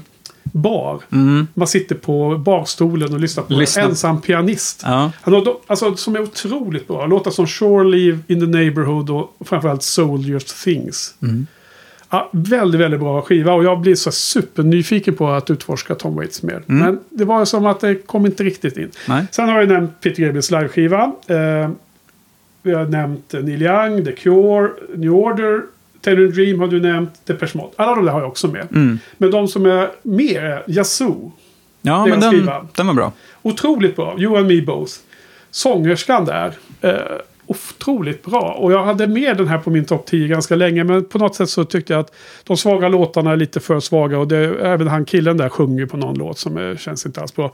Men, eh, men eh, Anyone är en väldigt eh, fin långsam låt av henne. Vad heter Ja, hon? Eh, Alison Moyet, va? Alison Moyet. Ja. Stevie Nicks från Mm. mm. Fleetwood Mac har en väldigt skön Nighttime-LP från den här eran. Precis. Eh, John Cash har en ganska bra countryskiva där han gör covers på, bland annat covers på uh, Steven, på heter han, eh, Bruce Springsteen. Eh, och sen det sista jag vill nämna är The Fix. Känner du till dem? Jag har hört namnet. Fix med två X på slutet va? Reach the Beach. Det var bara för att jag hade den på LP när jag växte upp. Nostalgi. Eh, nostalgi, men också ganska bra skiva. Ja, den ska jag kolla upp. Eh, de, det här var en stor säljare för dem. Jag tror de är från Kanada kanske. Sen så försvann de då. Det är lite one hit wonder. Så det var ungefär det. Ja, men eh, det var allt vi hade. Ja, Och, och nu ska du iväg på partaj ikväll. kräftskiva hos familjen. Så det blir Ja. lugnt. Men det blir eh, eh, nubbe och andra grejer kanske. Jag tror inte det. Nej, inte Jag tror vi håller, bo- håller oss borta från det. Ja. Eh, men ska vi bara säga något litet kort om nästa avsnitt? 19, Ja. 1993, vad är dina förhoppningar eller liksom förväntningar? Ja, men det är ett, eh, inte, det är ett år där jag tror att eh, utrymmet för att hitta nya discoveries är stort. För att jag har inte jättemånga skivor som jag vet kommer med. Men det är ett av mina favoritband som är väldigt smala och väldigt okända. Mm. Har vi kommit in under den tidsfönstret som nämligen är 92 till år 2000. Okej. Så det är jättekul att... För det blir ju så. Vi Ja. hoppar ju nu tio år framåt här. Och kommer till ett helt nytt fönster. Ja, precis. De heter ju Catherine Wheel. Så det blir Mm. jättespännande att eh, prata om dem. Ja, de har du nämnt. De måste jag kolla upp. Eh, ja, nej, men jag är inte lika liksom, bekväm kanske 93. Grungen och sånt. eh, Ja, det jag... håller ju på då. Ja, och det måste jag nog kolla upp lite närmare. För det har jag aldrig riktigt eh, fastnat för. Eh, och så blir det ju spännande att se hur mina 80-talsfavoriter klarar av nu. Ja. Öv- övergången till eh, 90-talet. Om Duran Duran och Duran. Duran och eh, Depeche och de där. Ja. Om de klarar det. Vi Ja, får precis. se. Jo, Depeche har ju en känd skiva från det året. Mm. Nej, men så att det finns en hel del eh, kända skivor. Men det gäller också att hitta vad man gillar där. Så vi har ju tänkt att nu är det bara två månader till nästa. Och jag tror att det kanske är en bättre timing. Det, det Mm. blir för intensivt att grotta ner sig i ett enda musikår under längre tid tror jag. Ja, Så att det blir i slutet på oktober som vi spelar in. Och om det kommer då i slutet på oktober eller tidigt november vet jag inte vilket, exakt vilket releasedatum det är på den podden. Då. Eh, så det ser vi fram emot. Ja. Hoppas vi att lyssna också. Det är ju 30-årsjubileum då på 93. precis. Och, och så får vi se. Sen hur länge vi tycker att det här är kul. Ja. Ja, Vi tar ett år i taget. precis. Men stort tack för den här gången. Tack själv. Och eh, ha en trevlig afton. Säger jag till dig och till alla lyssnarna. Var, var än ni är och när ni än lyssnar på detta. Så på återhörande. Och nästa vecka är det jag och Karl, Coen-bröderna. Då blir det något helt annat. Blir det Maniac nu? Nu får vi spela Maniac. Ja. Som egentligen är den bästa låten från Flashdance-filmen. Härligt. Kul att du såg den i alla fall. Ja, Ja. Okej, ha det bra. hej då allihopa. Hej.